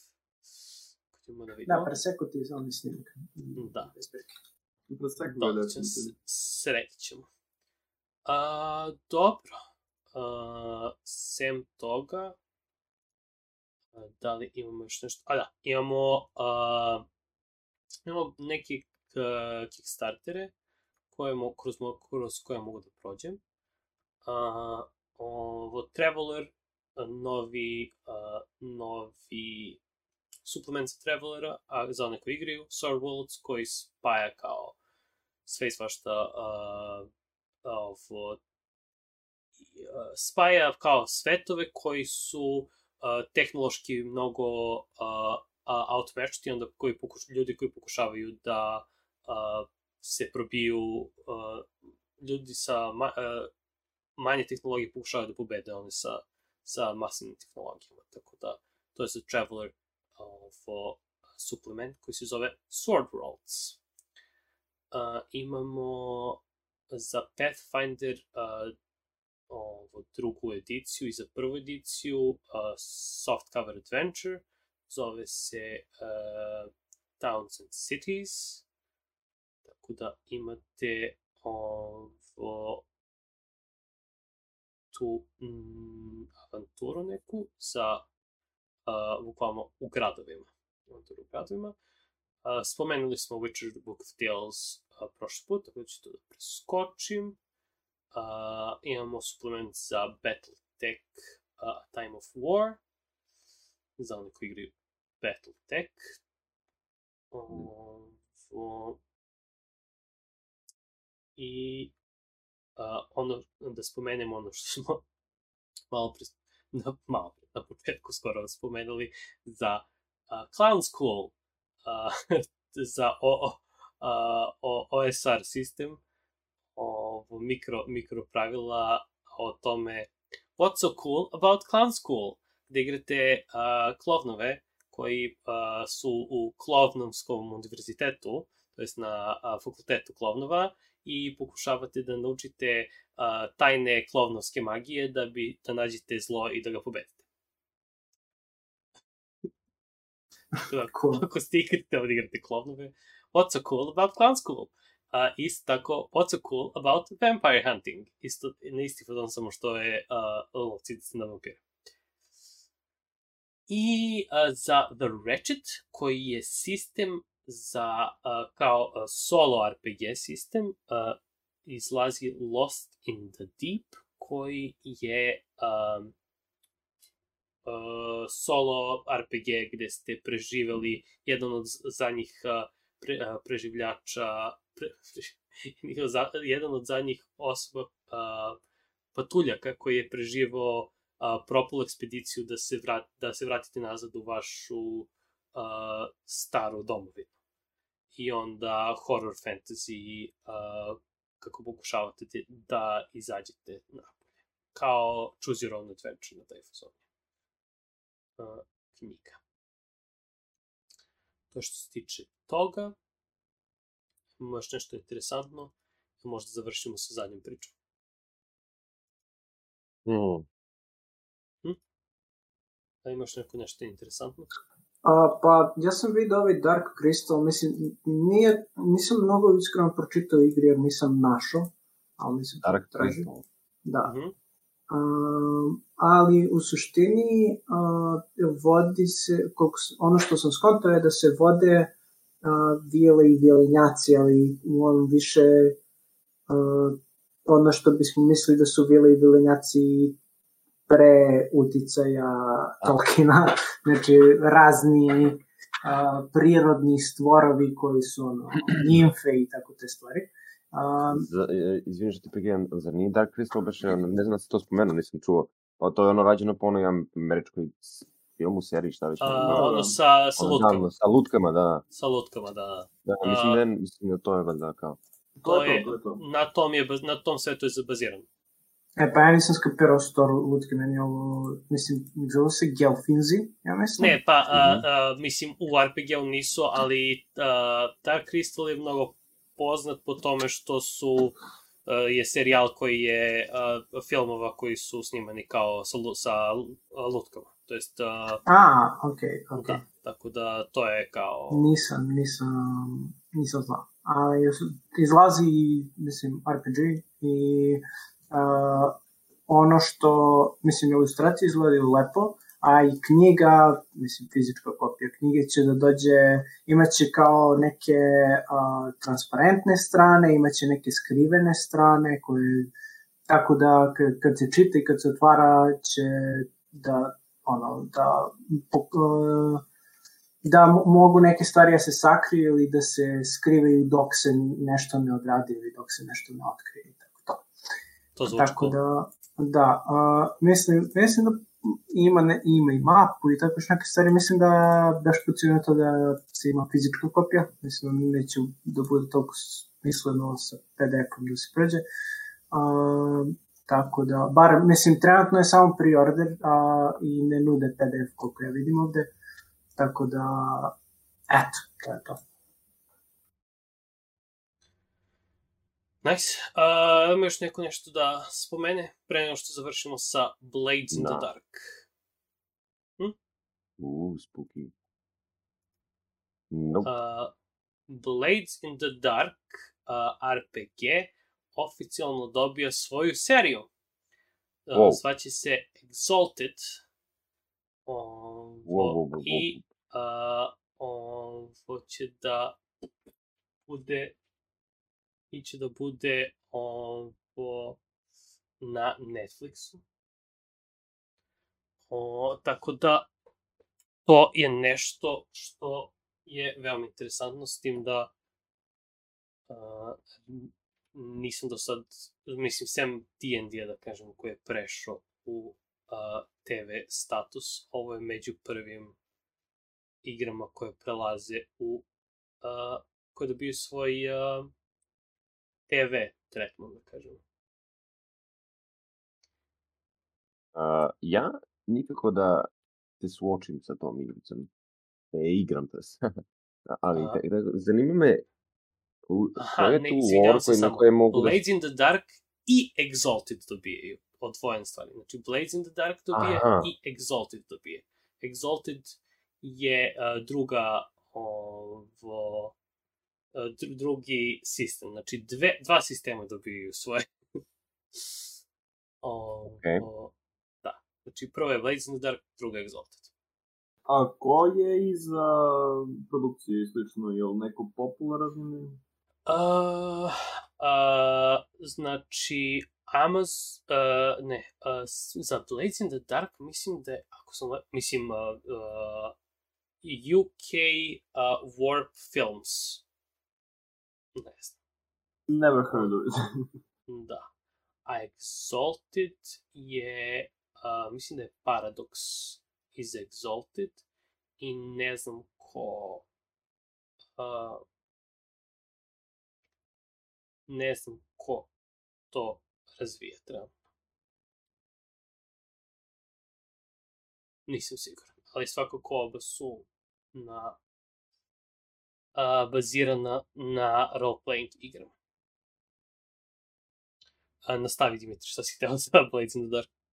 Ja sam da kažem da li, koji je to lore koji oni imaju da na osnovu njega mogu da... A, da mogu, Blades mogu in the da Dark po- prave. Blades in the Dark ima veoma razgrani, uh, veoma širok lore, da kažemo. Uh, John Harper je stvarno razvio Blades lore duže vreme. Uh, baza uh, Blades je da uh, je taj grad uh, Duskwall koji uh, ima raz, raz, to je uh, onako uh, mračan svet, uh, pun kriminala u Blades in the Dark igrate kriminalce Uh, svaki kvart ima uh, način funkcionisanja, svaki kvart ima svog uh, glavnog uh, glav, glavnog uh, šefa kriminala, uh, ceo, uh, ceo svet je uh, nepouzdan, uh, mračan, uh, svi gradovi su uh, i gradovi su izolovani zato što van gradova uh, postoji um, mrak koji su uh, ne mogu da se setim uh, tačno koja je premisa, ako se ne varam postoje, postoje tipa van gradova je mnogo nesigurno jer stvorenja noći napadaju i konstantan je mrak. I jedino u gradovima imaš svetlost i imaš uh, sadržava održavaju se velikim zidinama uh, i uh, svetionicima uh, od, odbijaju stvari. Bukvalno. Uh, I puno se... Uh, uh, najsličnije da, uh, najsličnije bi mi bilo Dishonored kao neka tematika samo Aha. mnogo mračnije. Znači, zamislite Dishonored samo mnogo mračnije, tako otprilike opisujem Blades in the Dark a, možda ljudi a, ljudi su povezivali ove Peaky Blinders sa Blades na s aspekta kad se igra kao da je da je taj osjećaj kao kri, a, kriminala u a, kri, kriminalnih a, porodica koji se bore. Tako da. Aha, okej. Okay. To jest a, ekipa koji se bore. Uh, by the way, uh, Warp Films, jedini poznat film koji su radili koji znam Submarine, onaj. Iz 2010. Aha. Ok. I sad prave seriju. sad prave seriju. da, mislim, imali da. su oni, da već tu između. Levo, desno. Ali to je to. Mm, da. Nek sve neki, sve neki ono, naš uh, British uh, kanal neki tamo koji radi neke drama, drama serije, ali I, ima ih onako previše. I bez, to jest ima ih beskonačno zapravo. A ovo, eto. Uh, a Always Exalted rade Jenkins and Tate, and Jenkins and Tate Entertainment. Koji isto, isto rade TV show baziran na Sion. Tako da, no. eto, to je još jedna stvar. Za Blade sam čuo i video i svi su, znam da su svi živi hajpovani za Blade, za, barem na, na Twitteru što sam vidio da su, mm -hmm. a, pošto John Harper generalno a, pozna, popularan a, o, dizajner i pravi mnogo stvari. Mi smo mu igrali a, Lasers and Feelings je od John mm -hmm. Harpera. Tako da, da. A, svakako je neko ko pravi interesantne igre. I a, svet je isto veoma interesantan generalno. A, ima, on je i vodio, mislim, ako hoćete da a, ako hoćete da vidite kako se, uh, on je vodio, na YouTube imate um, Blades in the Dark je vodio na roleplay kanale, bilo back in the day, tako da možete da ga nađete. Tako da ako vam zanima kako funkcioniše Blades in the Dark, koji ćemo možda da igramo u skorije vreme na riznici igre, isto to je jedan od sistema koji ja hoću da probam da igramo na riznici, tako da ćete uskoro i to potencijalno da vidite. A, ili ima još neko nešto da kaže? Mislim da smo ga baš, da. baš uh, odužili sa ovim epizodom. Da, da. A smo, možete, možda... Ovo je trend dođem izgleda. Da, trend kad dođeš. Pričali smo o puno stvari. Tako da, a, ili ima još nešto neko da kaže? No. Ne. ne. Dobro, onda to bi bilo to za ovu uh, epizodu Riznice. Uh, hvala Pep što si sratio. Drugi put. Uh, sve socijale će da vidite uh, ispod uh, videa ili audio tamo gde slušate uh, imamo na našim sajtovima. Uh, znači, od, obično smo nedeljom live na Twitchu, skoro svake nedelje, ako ne svake druge. na YouTube izbacujemo VOD kao i svuda gde slušate audio podcaste, tako da možete tamo da nas zapratite. Krenuo sam, uh, ostala nam još jedna iz arhiva da se izbaci audio epizoda, ali većinom smo uh, se sustigli sa uh, uh, YouTube i audio su se sustigli. Uh, na Faceu i na Instagramu obično postavljamo kad smo live i kada izađu nove stvari, tako da možete tamo da pratite ako vas zanima uh, da nas pratite i uh, kad šta izlazi. Uh, to je to. Hvala na, hvala na slušanju i vidimo se. Ćao. Ćao.